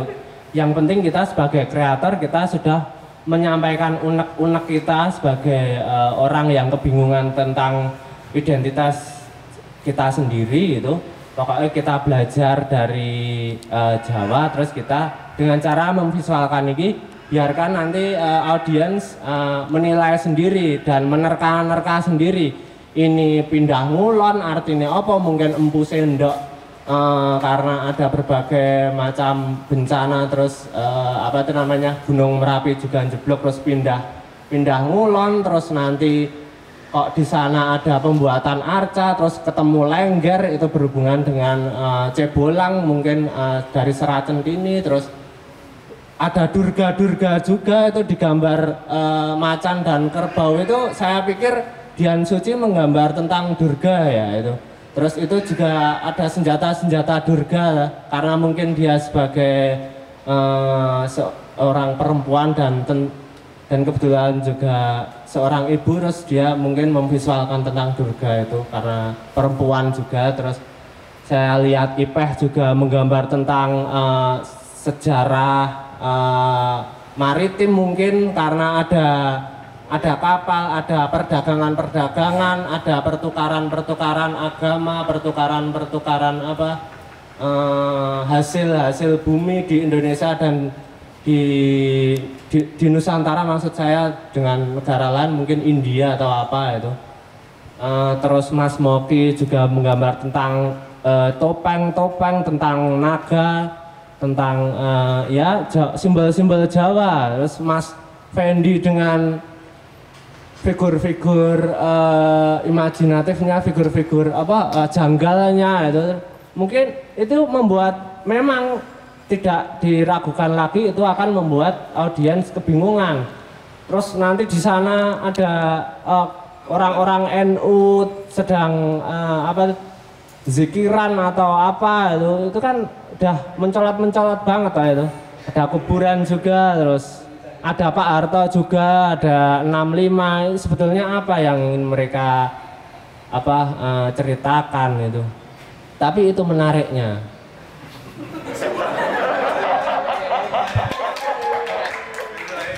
Melihat melihat orang kebingungan itu jadi menarik. Melihat orang-orang anu apa eh, berkomunikasi dengan teman yang diajak nonton ini semisal ada cewek cowok itu. Terus ceweknya ini ngomong iki apa iki iki iki? Oh iki ini loh ini tentang eh, demit-demit eh, hantu-hantu apa? Sing NK nulis kene hantu-hantu? Hantu-hantu neng rat, hantu-hantu neng rat kuwi apa? Jadi menarik gitu, ketika kita melihat orang kebingungan, ketika orang melihat tentang ya asik gitu loh. Mungkin gitu ya. Anu, jawab. Mungkin yang lain mau menjawab dari anggota Gegerboyo saya cuma lihat di sini. Ya. Pertanyaannya kan sebenarnya diprediksi atau tidak, tapi dari apa paparan NK tadi itu ya kita bisa simpulkan bahwa mereka memprediksi. Bahwa Oh, wah, iya. Mereka memang memprediksi dan sangat sadar bahwa nanti eh, pengunjung akan ya, memunculkan banyak resepsi yang berbeda-beda satu sama lain. Eh, mungkin dari kawan-kawan yang di depan sini kalau ada yang ingin diimbulkan menanggapi beberapa hal yang sudah muncul tadi atau balik lagi ke forum silakan waktu Saya- masih panjang Saya yang silakan dikatakan NK tadi menarik sesungguhnya. Iya, iya. Tapi, tapi itu juga sekaligus cilaka karena kita harus meng- mengkonfirmasi itu kesenimannya. Eh, eh, bahwa sesungguhnya di balik apa namanya sekian banyak tanda-tanda itu sebenarnya ada ada benang merahnya sesungguhnya baru kelihatan sekarang. Uh, tapi sebagai orang yang menonton, saya bisa berangkat dari mana pun. Uh, dan mereka sepertinya tidak ada pretensi untuk menontonkan itu. Jadi ya, ya sebagai seorang yang yang melihat ya saya kemudian akan me, me, memutuskan oke okay, saya akan berada di sini. Meskipun secara visual uh, apa jenengnya gapuro itu sebenarnya bisa dipakai sebagai alat untuk menitik benang-benang merahnya gitu.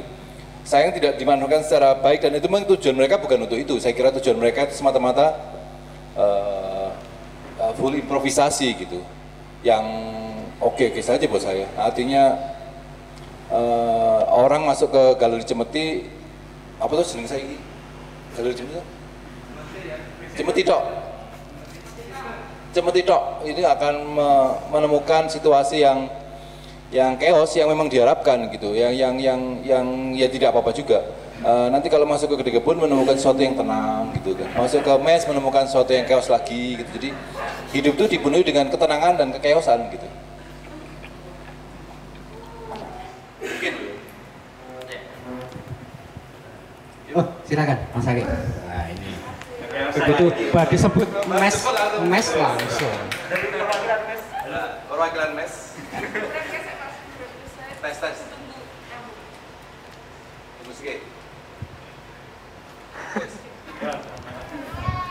halo. Ini apa? Mungkin pembicaraan tentang bagaimana kita sulitnya ketika masuk untuk memulai melihat dari mana itu juga sebenarnya nggak akan terjadi kalau situasi dasarnya itu nggak terjadi. Kayak ingat dulu ketika karya-karya mural masuk ke galeri ya ada yang dikanvaskan ada yang macam-macam gitu.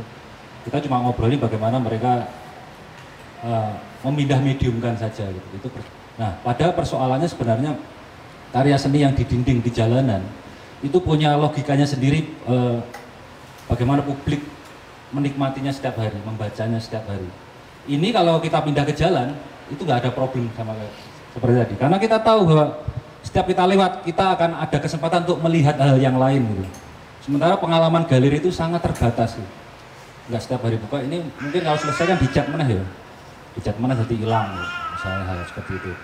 Jadi aku pikir persoalan ya saya itu percaya sama bagaimana seniman membangun uh, karyanya ya. Bagaimana mereka melumpuk-melumpuk ini kemudian di, diwujudkan dalam kode-kode tertentu itu pasti Pasti saya percaya itu. Dan, dan setiap setiap itu setiap hal yang ada di situ ada ratusan hal itu akan mengena pada orang dan uh, satu orang atau beberapa orang atau semua orang pada waktu yang sama dan dan di saat yang lain juga akan mengalami hal yang berbeda juga. Jadi saya lihat ini, besok lihat ini, dan itu akan selalu berbeda.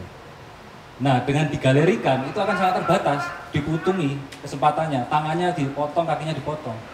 Kalau ini di jalanan itu aman saja sebenarnya. Saya nggak ada masalah dengan bagaimana bisa lihat kebingungan membaca itu, narasinya nggak ada. Itu juga sama, saya tuntutannya bahwa melihat di sini lebih. Karena mungkin hanya hari ini saja saya di sini misalnya. Atau nanti kalau ada kesempatan lain, tapi tidak semua orang punya waktu yang cukup untuk uh, datang lagi, ini butuh berhari-hari, berkali-kali untuk kemudian bisa mengapresiasi bahwa wah ini masuk ini. Ini pengalaman saya misalnya kalau karyanya NK yang di Sewon itu di dinding itu. Dinding apa itu? Dulu galeri apa itu? Ah, itu ah, Sewon, Sewon, Sewon. Nah, itu setiap lewat saya selalu nengok dan saya senang karena saya selalu ada hal lain yang kemudian saya temukan gitu. Itu sebuah kemewahan yang kita berikan ke publik gitu. Bahwa kita membuat di jalan itu hak ya, harusnya kita seperti itu sebagai seniman gitu memberi sesuatu ke publik secara terus menerus orang akan ada hal baru nah ketika digalerikan ini masih lukisan dinding gitu tapi digalerikan jadi hal yang berbeda gitu.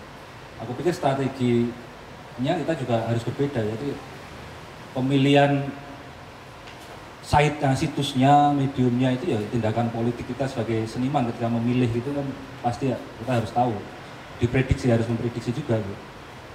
Aku pikir itu sih. Gitu.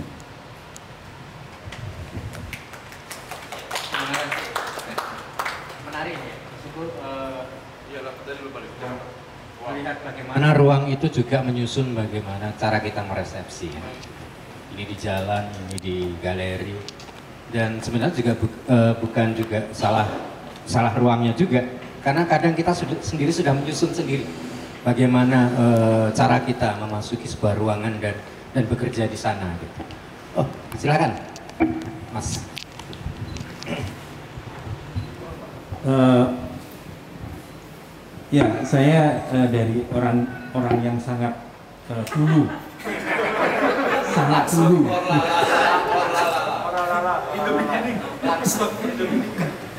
Eh, begini, dalam melihat pameran ini, saya saya ingin mencoba meletakkan eh, pameran ini dalam eh, apa? dunia seni rupa yang memang di jalan sebetulnya. Jadi kalau saya melihat ini kemudian saya me- memaknai atau mencoba untuk melihat ini sebagai karya seni sebagaimana layaknya karya seni yang ada di galeri itu nggak nggak nggak ketemu nggak ketemu. Satu. Yang kedua saya tahu persis bahwa para perupa-perupa kontemporer kita ini itu banyak sekali yang nyinyir. Nyinyir itu artinya ngomongnya itu ngomong terlalu banyak gitu. Banyak hal yang ingin disampaikan banyak hal yang ingin disampaikan sampai eh, penonton itu nggak ngerti ini wong ini jadi arep ngomong apa? Nah menyikapi hal itu maka saya hanya ketika saya berkeliling ini saya hanya melihat beberapa eh, visual-visual yang menurut saya eh, paling dominan dan menarik. Itu aja. Misalnya contohnya adalah ini eh, dua orang laki-laki yang menari. Eh, saya hanya melihat bahwa eh, laki-laki kedua penari ini sebetulnya adalah laki-laki tetapi dia memakai baju perempuan. Selebihnya di bawah itu ada gambar apa-apa apa saya nggak nggak nggak terlalu peduli saya tertarik sekali dengan gambar ini. Ini ini eh, si seniman yang menggambarkan ini ingin membicarakan atau ingin me- mempermasalahkan atau mengangkat persoalan-persoalan eh, seni tradisi di mana peran laki-laki sebagai penari perempuan dan sebagainya itu itu sudah terbiasa terjadi. Transgender seperti itu terbiasa terbiasa sekali. Sehingga eh, bagian kalau kita kemudian melihat ke bagian bawah dan sebagainya maka kita akan rancu sekali dan kita nggak ngerti lagi. Jadi ya udahlah bodo amat yang bawah itu. Mungkin orang lain atau seniman lain yang eh, karena ada dia nggak dapat eh, ruangan kemudian "Eh, ini ada ruangan sedikit gambari lagi gitu. Nah ini kenyinyiran dari sikap kenyinyiran dari si seniman ini gitu. Tapi buat saya sih nggak nggak masalah nggak peduli saya. Saya hanya melihat bahwa oh itu menarik dan kemudian ada eh, tanda lain yang menurut saya eh, ada punya arti tapi juga enggak. Nah, terus saya sa- berjalan begitu kemudian yang lain yang eh, ke bukan kekaguman ya mungkin kekaguman ya terhadap eh, karya ini saya mencoba untuk melihat eh, kecenderungan dari eh, street art yang ada di Jogja, di Jakarta, di beberapa tempat ya. Saya melihat bahwa satu street art itu hanya sekedar eh, oret-oret yang nggak punya arti apa-apa dengan tulisan tulisan-tulisan yang juga tidak bisa dibaca. Yang kedua, ingin menunjukkan identitas dari si senimannya. Selalu menghadirkan ka- eh, tulisan yang sama di te- berbagai tempat. Dan saya sampai saya kadang-kadang jengkel sekali melihat ini ini jelek sekali kenapa sih diulang-ulang. Tapi ya udah bodo amat itu banget. Nah, saya melihat ini ada satu upaya yang lebih yang tidak dilakukan oleh street artist yang lain yaitu ada upaya untuk eh, memahami sejarah memahami sejarah. Apakah pemahaman mereka itu sampai atau tidak? Apakah pemahaman mereka itu benar atau tidak? Seperti yang dikemukakan oleh NK tadi bahwa ternyata tidak semua seniman yang ada di sini paham betul tentang budaya Jawa. Ada yang cuma menebak-nebak dan sebagainya, tapi ada upaya untuk memahami budaya Jawa yang kemudian diletakkan sebagai landasan penciptaan karyanya. Nah, harapan saya adalah seperti yang dikemukakan oleh Ben tadi, harapan saya bahwa dengan adanya pameran ini dan kemudian ada ada diskusi dan sebagainya, itu akan berubah gitu. Berubah dalam arti bahwa mereka mulai secara serius untuk melihat pen, uh, latar belakang atau apa yang sebetulnya mendasari penciptaan ini. Nah, kalau perubahan ke sana, maka itu akan menjadi lebih menarik. Lantas kemudian ada kelompok yang lain yang uh, protes-protes sosial, tema-tema sosial yang wah dengan teks yang hmm, apalah termasuk Jogja Aura Didol kalau mau mencari pelawak harap ke Senayan dan sebagainya gitu. Nah, beberapa uh, street artist yang mengangkat tema-tema sosial yang saya lihat di Jogja ini cerdas, sangat cerdas dan menarik sekali. Nah, oke okay, itu itu adalah kelompok yang lain. Nah, saya pikir ini ini bagaimana kemudian pertanyaan saya adalah bagaimana ini ketika uh, karya seperti ini diletakkan di jalan. Kalau selama ini saya sering kali melihat Moki yang lukis gambar gambar sendiri aja. Gitu. Tapi bagaimana kemudian kalau misalnya ini diletakkan di, di, di jalanan? Bagaimana cara mereka bekerja? Apakah masih mempunyai uh, proses produksi yang sama? Karena space-nya pasti tidak ter, uh, cukup terbatas satu dan kemudian juga waktu bisa terbatas atau bisa lebih panjang dari yang ada di sini. Nah itu itu itu ini ini menarik untuk dilihat dikaji kemudian gitu. Karena salah satu pertanyaan juga tidak semua seniman yang termasuk dalam geger boyo ini adalah seniman-seniman jalanan. Artinya tidak semuanya mereka biasa membuat mural di jalan. Ada yang hanya sekedar ya pinter gambar gitu. Terus kemudian dikasih cat sama uh, ini disuruh gambar di sini ya jalan memang, memang bintang gambar gitu kelihatannya. Nah, bagaimana tanggapan dari seniman-seniman street art yang lain terhadap seniman-seniman street art yang memang tidak terbiasa di jalanan gitu? Apakah ada diskriminasi atau ada uh, penolakan atau ada uh, kritis kritik dari mereka? Gitu? Ini nih yang pengen yang pengen saya tahu. Karena Iya, benar kan ya, tidak semuanya uh, seniman yang berada di jalan kan, artinya gambar di jalan kan. Nah, uh, apakah kemudian bisa dikatakan bahwa oh dia itu street artist gedongan misalnya, atau punya istilah tertentu atau dianggap apa gitu. Nah, ada nggak itu pertanyaan-pertanyaan semacam itu? Atau kritik terhadap seniman-seniman yang membuat uh, street art seperti ini, tapi mereka sebetulnya tidak pernah di jalan itu aja saya rasa. Terima kasih. Ya, mungkin bisa langsung teman-teman Geger Boyo menanggapi Pak Arsono yang terakhir. Gantian, gantian, jangan enggak. Nanti langsung buko. Kan, uh, Moki atau Ipe. Terima kasih semuanya. Sebenarnya aku ingin uh, menanggapi teman NK ya saya kebetulan juga teman-temannya NK, ya kebetulan juga teman Gegerboyo juga. Uh, terima kasih untuk NK menerjemahkan atau membaca gerbang-gerbang dari Gegerboyo ini. Uh, tapi uh, ingin balik lagi di poin yang tadi ya Mas tentang uh, apa apakah diprediksi atau enggak. Uh, sebenarnya obrolan ini akan akan terus diulang-ulang sampai uh, sampai pun apa pameran ini berakhir. Jadi kalau membaca uh, praktik bekerjanya Gegerboyo, uh, kalau mengambil istilahnya Mbak Linda itu seperti apa ketoprak was-wasan. Kalau tadi Mas C bilang, sorry Mas Gunawan bilang uh, seperti teater ya Mas uh, ada improvisasi, ada saling uh, merespon seperti itu. Sebenarnya kurang lebih seperti itu cara kerja gugur boyong. Cuman uh, memang uh, kami selalu menggunakan satu titik uh, atau uh, satu apa ya kunci lah kunci besar ketika uh, akan menggarap sesuatu. Jadi tidak serta merta kita langsung jalan sendiri-sendiri.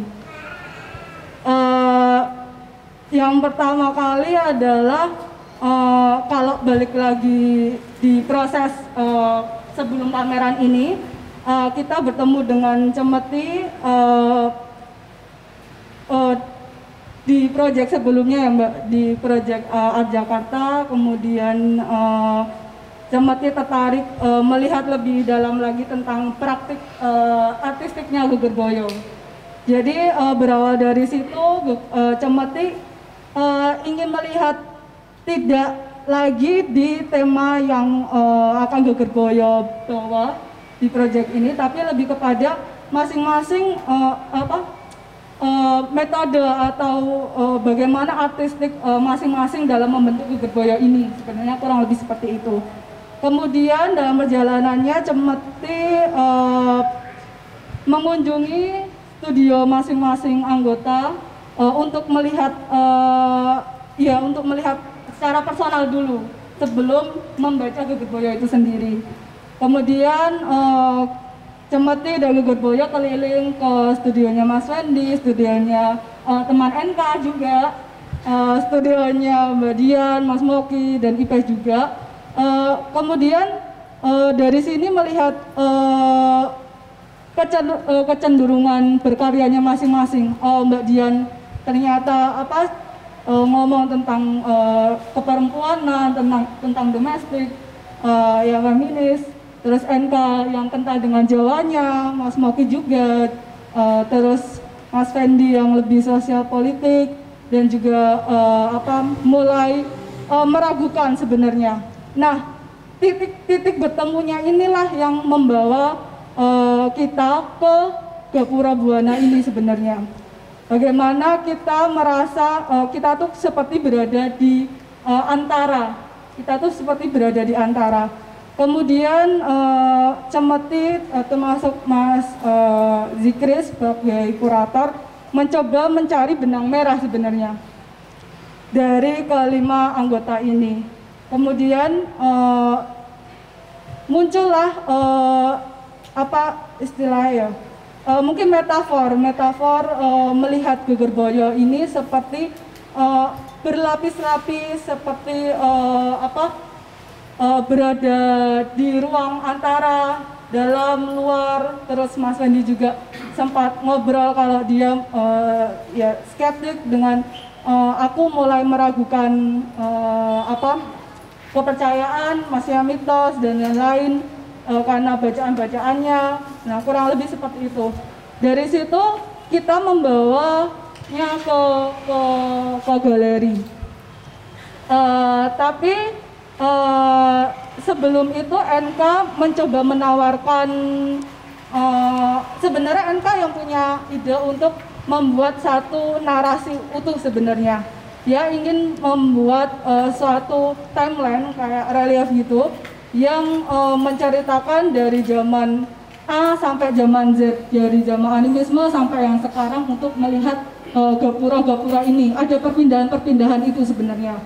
Tapi eh, kemudian eh, kami ya saling biasa lah anu eh, ras setuju anu dan lain-lain. Kemudian eh, sebenarnya kita balik lagi aja deh ke eh, benang merahnya kita. Ya ini gapura ini ya sebagai perwakilan dari gapuranya masing-masing kurang lebih seperti itu. Makanya di di gapura yang lain ini sebenarnya eh, penyimbolan dari masing-masing eh, gapuranya anggota Gegerboyo ada eh, Yakala, terus kemudian buku, kemudian eh, ada apa getah jemur apa mas? Ya itu kurang lebih seperti itu.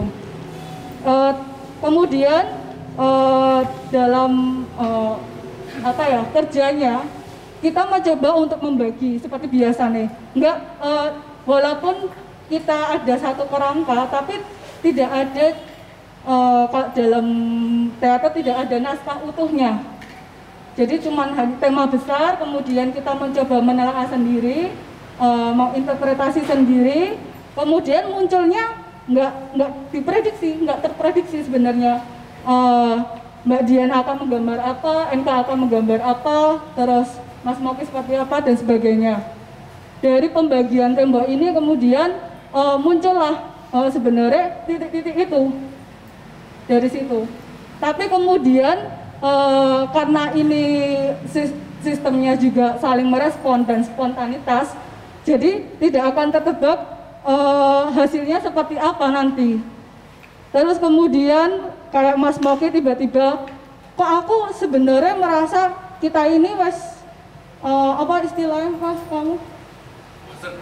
Eh, ya apa jenisnya melenceng dari eh, konsep awal kita deh yang timeline banget nah, kayak aku merasa eh, hilang hilang hilang. Ah tersesat. Kita tersesat di sini. Terus kemudian ya wes natural aja kayak boyo biasanya. Kita nggak ada eh, tekanan untuk eh, ya menyata me- menyatukan itu semua nah, kan. terus eh, setelah setelah jadi pun kita nggak eh, mencoba untuk eh sorry ketika menggambar pun eh, ketika NK menggambar sana karena eh, kita tidak tahu dia akan menggambar apa saya sendiri akan membaca gambarnya NK seperti halnya penonton ketika melihat hasil jadinya kurang lebih sih seperti itu. Jadi eh, meskipun masing-masing punya interpretasi otomatis kita sebagai eh, orang yang juga ikut dalam eh, kerjanya Geger Boyo kita juga eh, mencoba untuk mencari sebenarnya. Juga mencari eh, apa yang akan digambar atau yang disampaikan oleh masing-masing anggota sebenarnya kurang lebih seperti itu.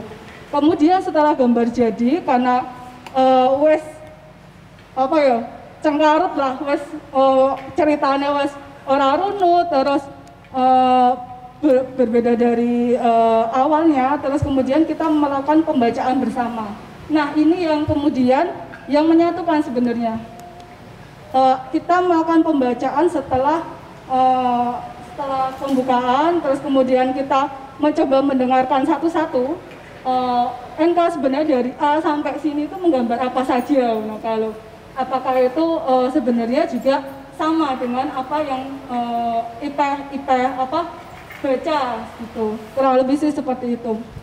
Mungkin yang lain Enggak, eh, mungkin sebenarnya mungkin menjawab pertanyaan dari Pak Harsono dulu aja yang tadi.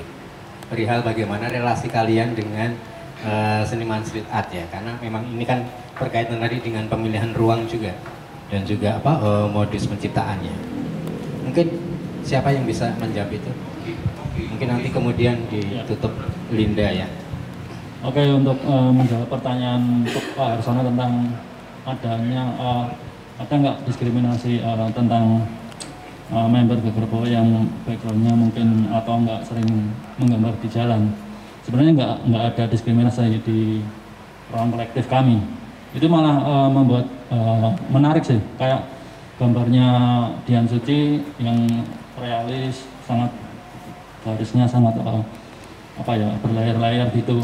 Itu malah menurut saya ya mungkin juga teman-teman malah itu menjadi bagian yang menarik. Jadi ada apa ya kontradiktif yang sangat mencolok dari eh, member yang berbeda gitu. Jadi eh, tidak ada perlakuan diskriminatif. Malah eh, kami mendorong eh, setiap member itu memunculkan karakter-karakter atau gambar atau visual yang yang autentik muncul dari ide dia atau garis dia gitu dengan seniman lain Oh, maaf. bukan antar kalian Oh ya maaf. Ya eh, kalau saya kan eh, pribadi eh, backgroundnya memang art dari eh, awal eh, menggambar dari jalanan terus kalau ke Gerbo eh, teman-teman memandang Gerboyo mungkin sejauh ini yang aku tangkap eh, apa ya eh, sebenarnya nggak ada sih eh, menurutku nggak ada diskriminasi eh, bahwa Gegerboyo mungkin lebih bermain-main ke galeri atau lebih eh, condongkan ke fan art karena beberapa kali kami juga mengerjakan mural di jalan. Terus eh, beberapa kali juga ada undangan apa menggambar mural eh, di suatu kampung atau di suatu tempat. Yang terakhir itu ada undangan yang kami tolak karena bertepatan dengan eh, pengerjaan mural di sini yaitu ada semacam festival, festival mural di daerah Kulon Progo jadi ya nggak ada diskriminasi dan mereka juga apa ya eh, apa, merangkul kami seperti itu ya terima kasih Cemeti. Langsung Linda.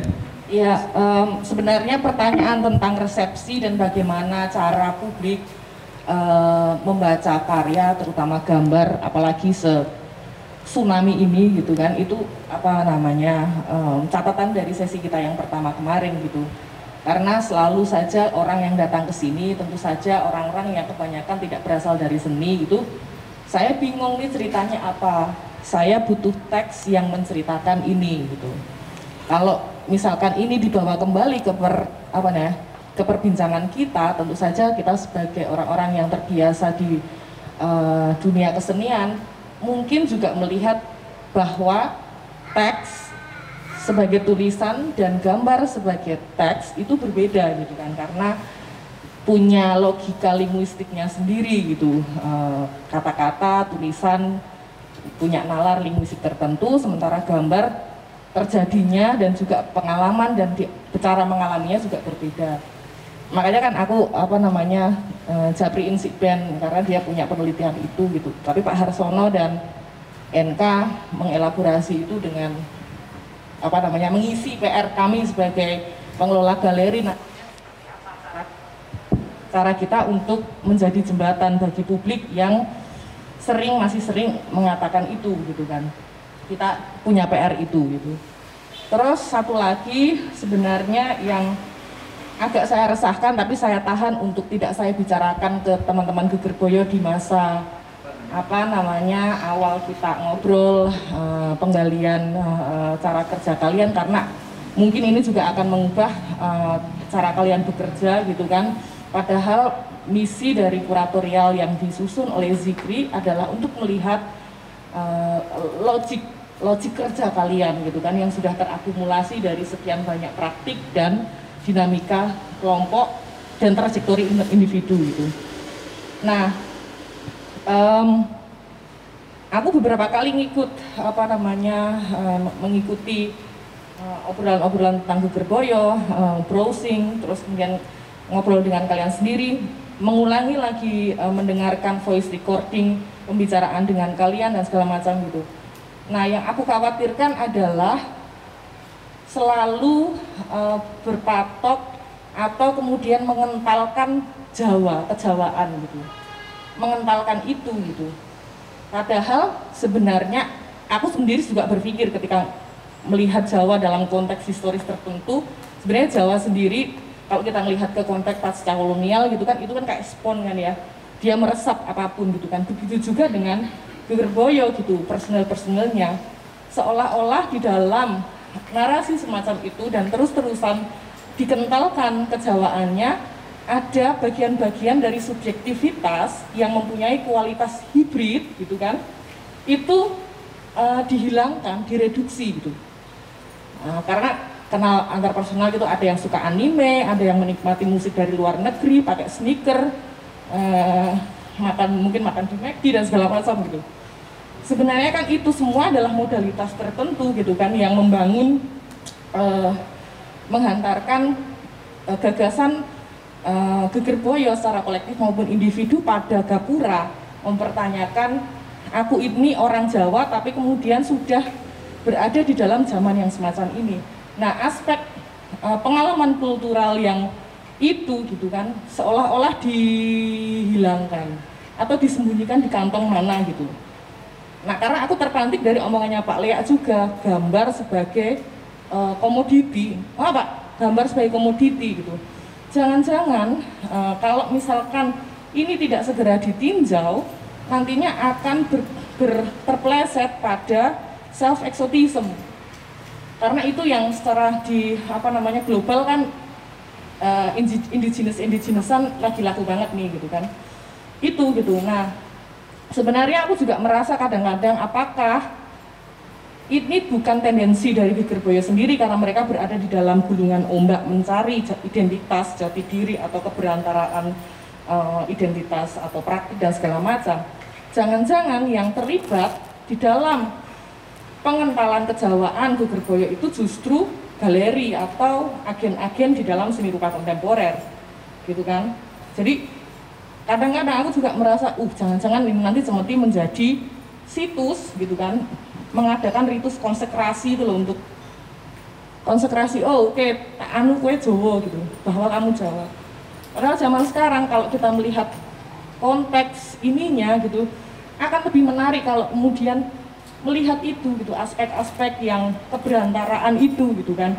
Tidak menghilangkan anime, tidak menghilangkan musik luar negeri, sneakers dan segala macam karena dari sanalah apa namanya cara kita mengalami Jawa juga berubah mungkin gitu.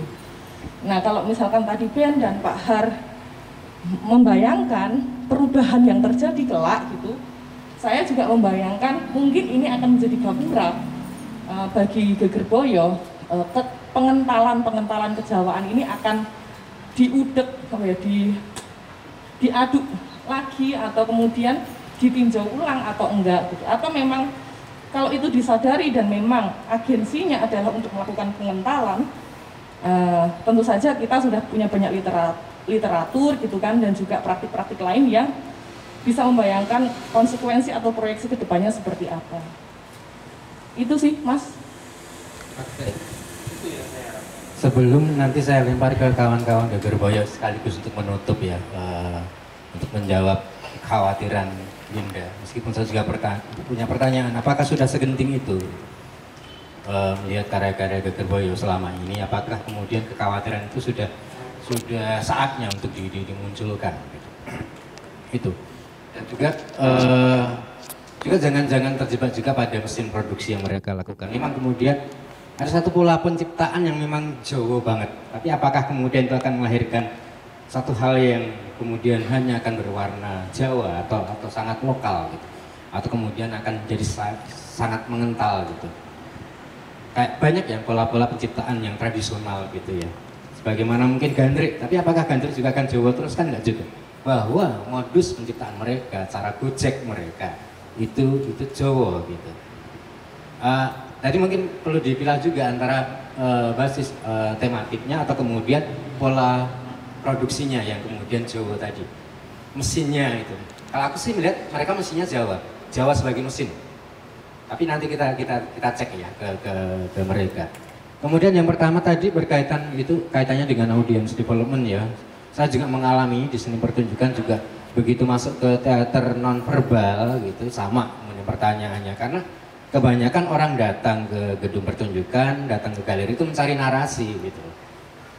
Begitu disodori yang narasinya itu berbeda dengan dengan kenyataan sehari-hari agak susah gitu. Di, di, dihadirkan dengan teks yang yang berbeda gitu sudah agak-agak susah. Memang kemudian kuncinya pada pendidikan.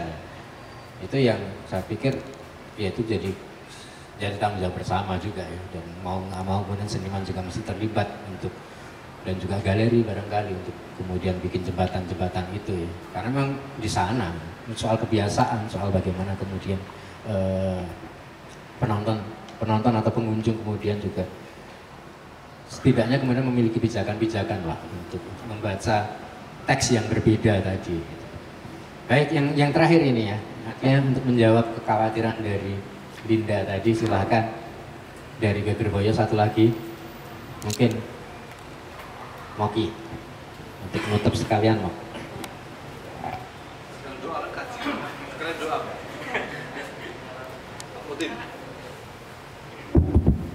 Tes, tes.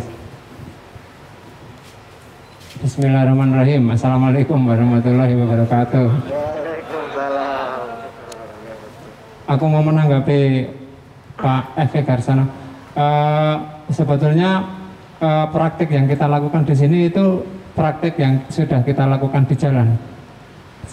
Jadi eh, waktu beberapa tahun yang lalu kan ada fenomena kalau eh, seni rupa apa maksudnya street artist masuk ke seni rupa kan gitu kan. Jadi teman-teman street artist terus kemudian eh, dipaksa dan dibawa karyanya untuk eh, pameran di galeri gitu. Sedangkan tidak semua street artist itu membuat karya untuk di galeri, misalkan lukisan atau patung atau apa gitu. Nah, ketika dia dibawa ke galeri, terus dia kemudian membuat karyanya ya di galeri-galerikan. Jadi kayak misalkan Rolly, misalkan ya saya ingat biasanya dia bikin NK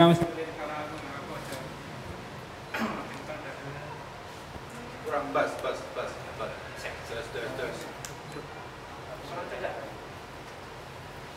tes tes tes ah jadi misalkan eh, apa tadi? Rolly Rolly misalkan eh, dia dibawa ke galeri gitu. Biasanya dia di jalan membuat mural di galeri dia membuat kanvas gitu. Dan kemudian waktu melihat pamerannya mereka jadi eh, suasana street artnya auranya dari street artis nggak kelihatan gitu. Hilang gitu. Waktu itu ada istilah wah kalau street artist kemudian dijinakkan, dilunakkan kalau di- dia dibawa ke galeri seni gitu. Nah berangkat dari pemikiran kayak gitu, waktu kita ditawari Cemeti dan Zikri untuk eh, praktek di galeri ini, kita sebisa mungkin tidak menghilangkan eh, praktek yang biasa kita lakukan di jalan gitu. Jadi yang dilakukan di sini ini kan membuat mural langsung tidak pakai proyektor dan eh, saling merespon antara satu dengan yang lain hitam putih seperti biasa itu yang seperti kita lakukan di jalan gitu jadi nggak sebisa mungkin nggak ada yang dikurangin gitu kira-kira kayak gitu. Terus eh, menanggapi Mas Indil menurutku aku setuju dengan Mas Indil Eh, cuma aku nggak tahu kemarin bahasanya apa ya. Tapi Mas Indil kan tadi kan membahasakan Jawa adalah mesinnya kan gitu. Jadi eh, kalau dari tiap individu memang tadi sudah disinggung kalau sudah berproses sendiri dan membuat karya sendiri-sendiri dan lebih fokus gitu untuk eh, apa namanya membahas satu isu tertentu misalnya kayak gitu.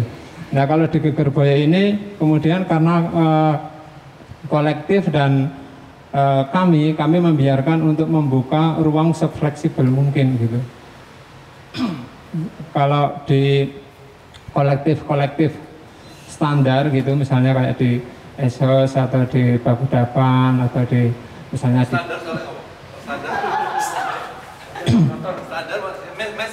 ini ini ini kan aku mau ngomong ini.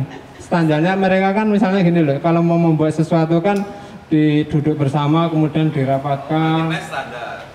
Eh, mas kayak gitu nggak mas? Ora ya mas orang ngono ya. Nah itu eh, kemudian eh, mereka seperti itu prosesnya seperti itu. Terus kemudian mengkaji sesuatu kemudian di eh, mengkaji satu hal yang sama buku yang sama misalkan tontonan yang sama film yang sama. Terus kemudian di eh, ejawantahkan dalam karya misalnya gitu. Nah eh, Gegerboya ini mau mencoba apa ya istilahnya bermain-main dengan proses itu gitu. Dan yang eh, memungkinkan untuk eh, berproses di situ adalah ya di Semeti ini salah satunya. Ini jadi kayak panggungnya gitu jadi waktu Zikri dia bilang wes pokoknya kalian nggak usah me- apa pusing dengan apa yang akan dibuat. Kalian buat saja karya seperti biasa gitu. Jadi itu adalah menurut kami itu adalah kata lain kita diperbolehkan untuk bereksperimen dalam hal eh, bekerja di dalam kolektif itu gitu. Dan menanggapi Mas Indil Gegerboyo semuanya adalah orang-orang Jawa. Refleksnya orang Jawa. Darahnya Jawa. Cara bahasanya Jawa. Cara komunikasinya juga Jawa. Iya gitu. Jadi Jawa supremasi. Jadi apa pun yang dibuat pasti akan akan keluar Jawanya walaupun tidak dikentalkan kalau di, eh, apa bahasanya Mbak Linda gitu. Dan walaupun ada satu anggota ah aku nggak terlalu percaya dengan eh, klinik misalkan. Walaupun satu anggota tapi saya suka anime gitu.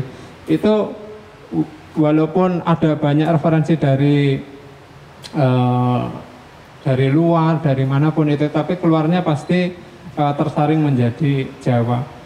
Itu. Terus yang terakhir adalah eh, tadi Pak Leak dia mention kalau ini adalah eh, mural terbaik yang dia lihat dari selama ini saya mau mengatakan pada teman-teman Gerbaya habis ini kita akan iuran untuk membayar eh, Pak Leak. Karena dengan dengan kata lain Pak Leak sudah memposisikan diri menjadi buzzer ya. Buzzer ke Gerbaya. Buzzer ke Gerbaya gitu. Dan eh, itu saja. Akhir halam akhir kalam selamat datang di dunia seni rupa kontemporer saat ini dan get lost. Terima kasih. Assalamualaikum.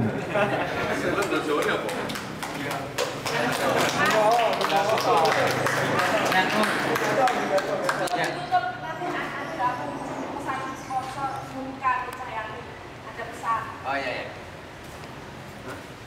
Pameran ini didukung oleh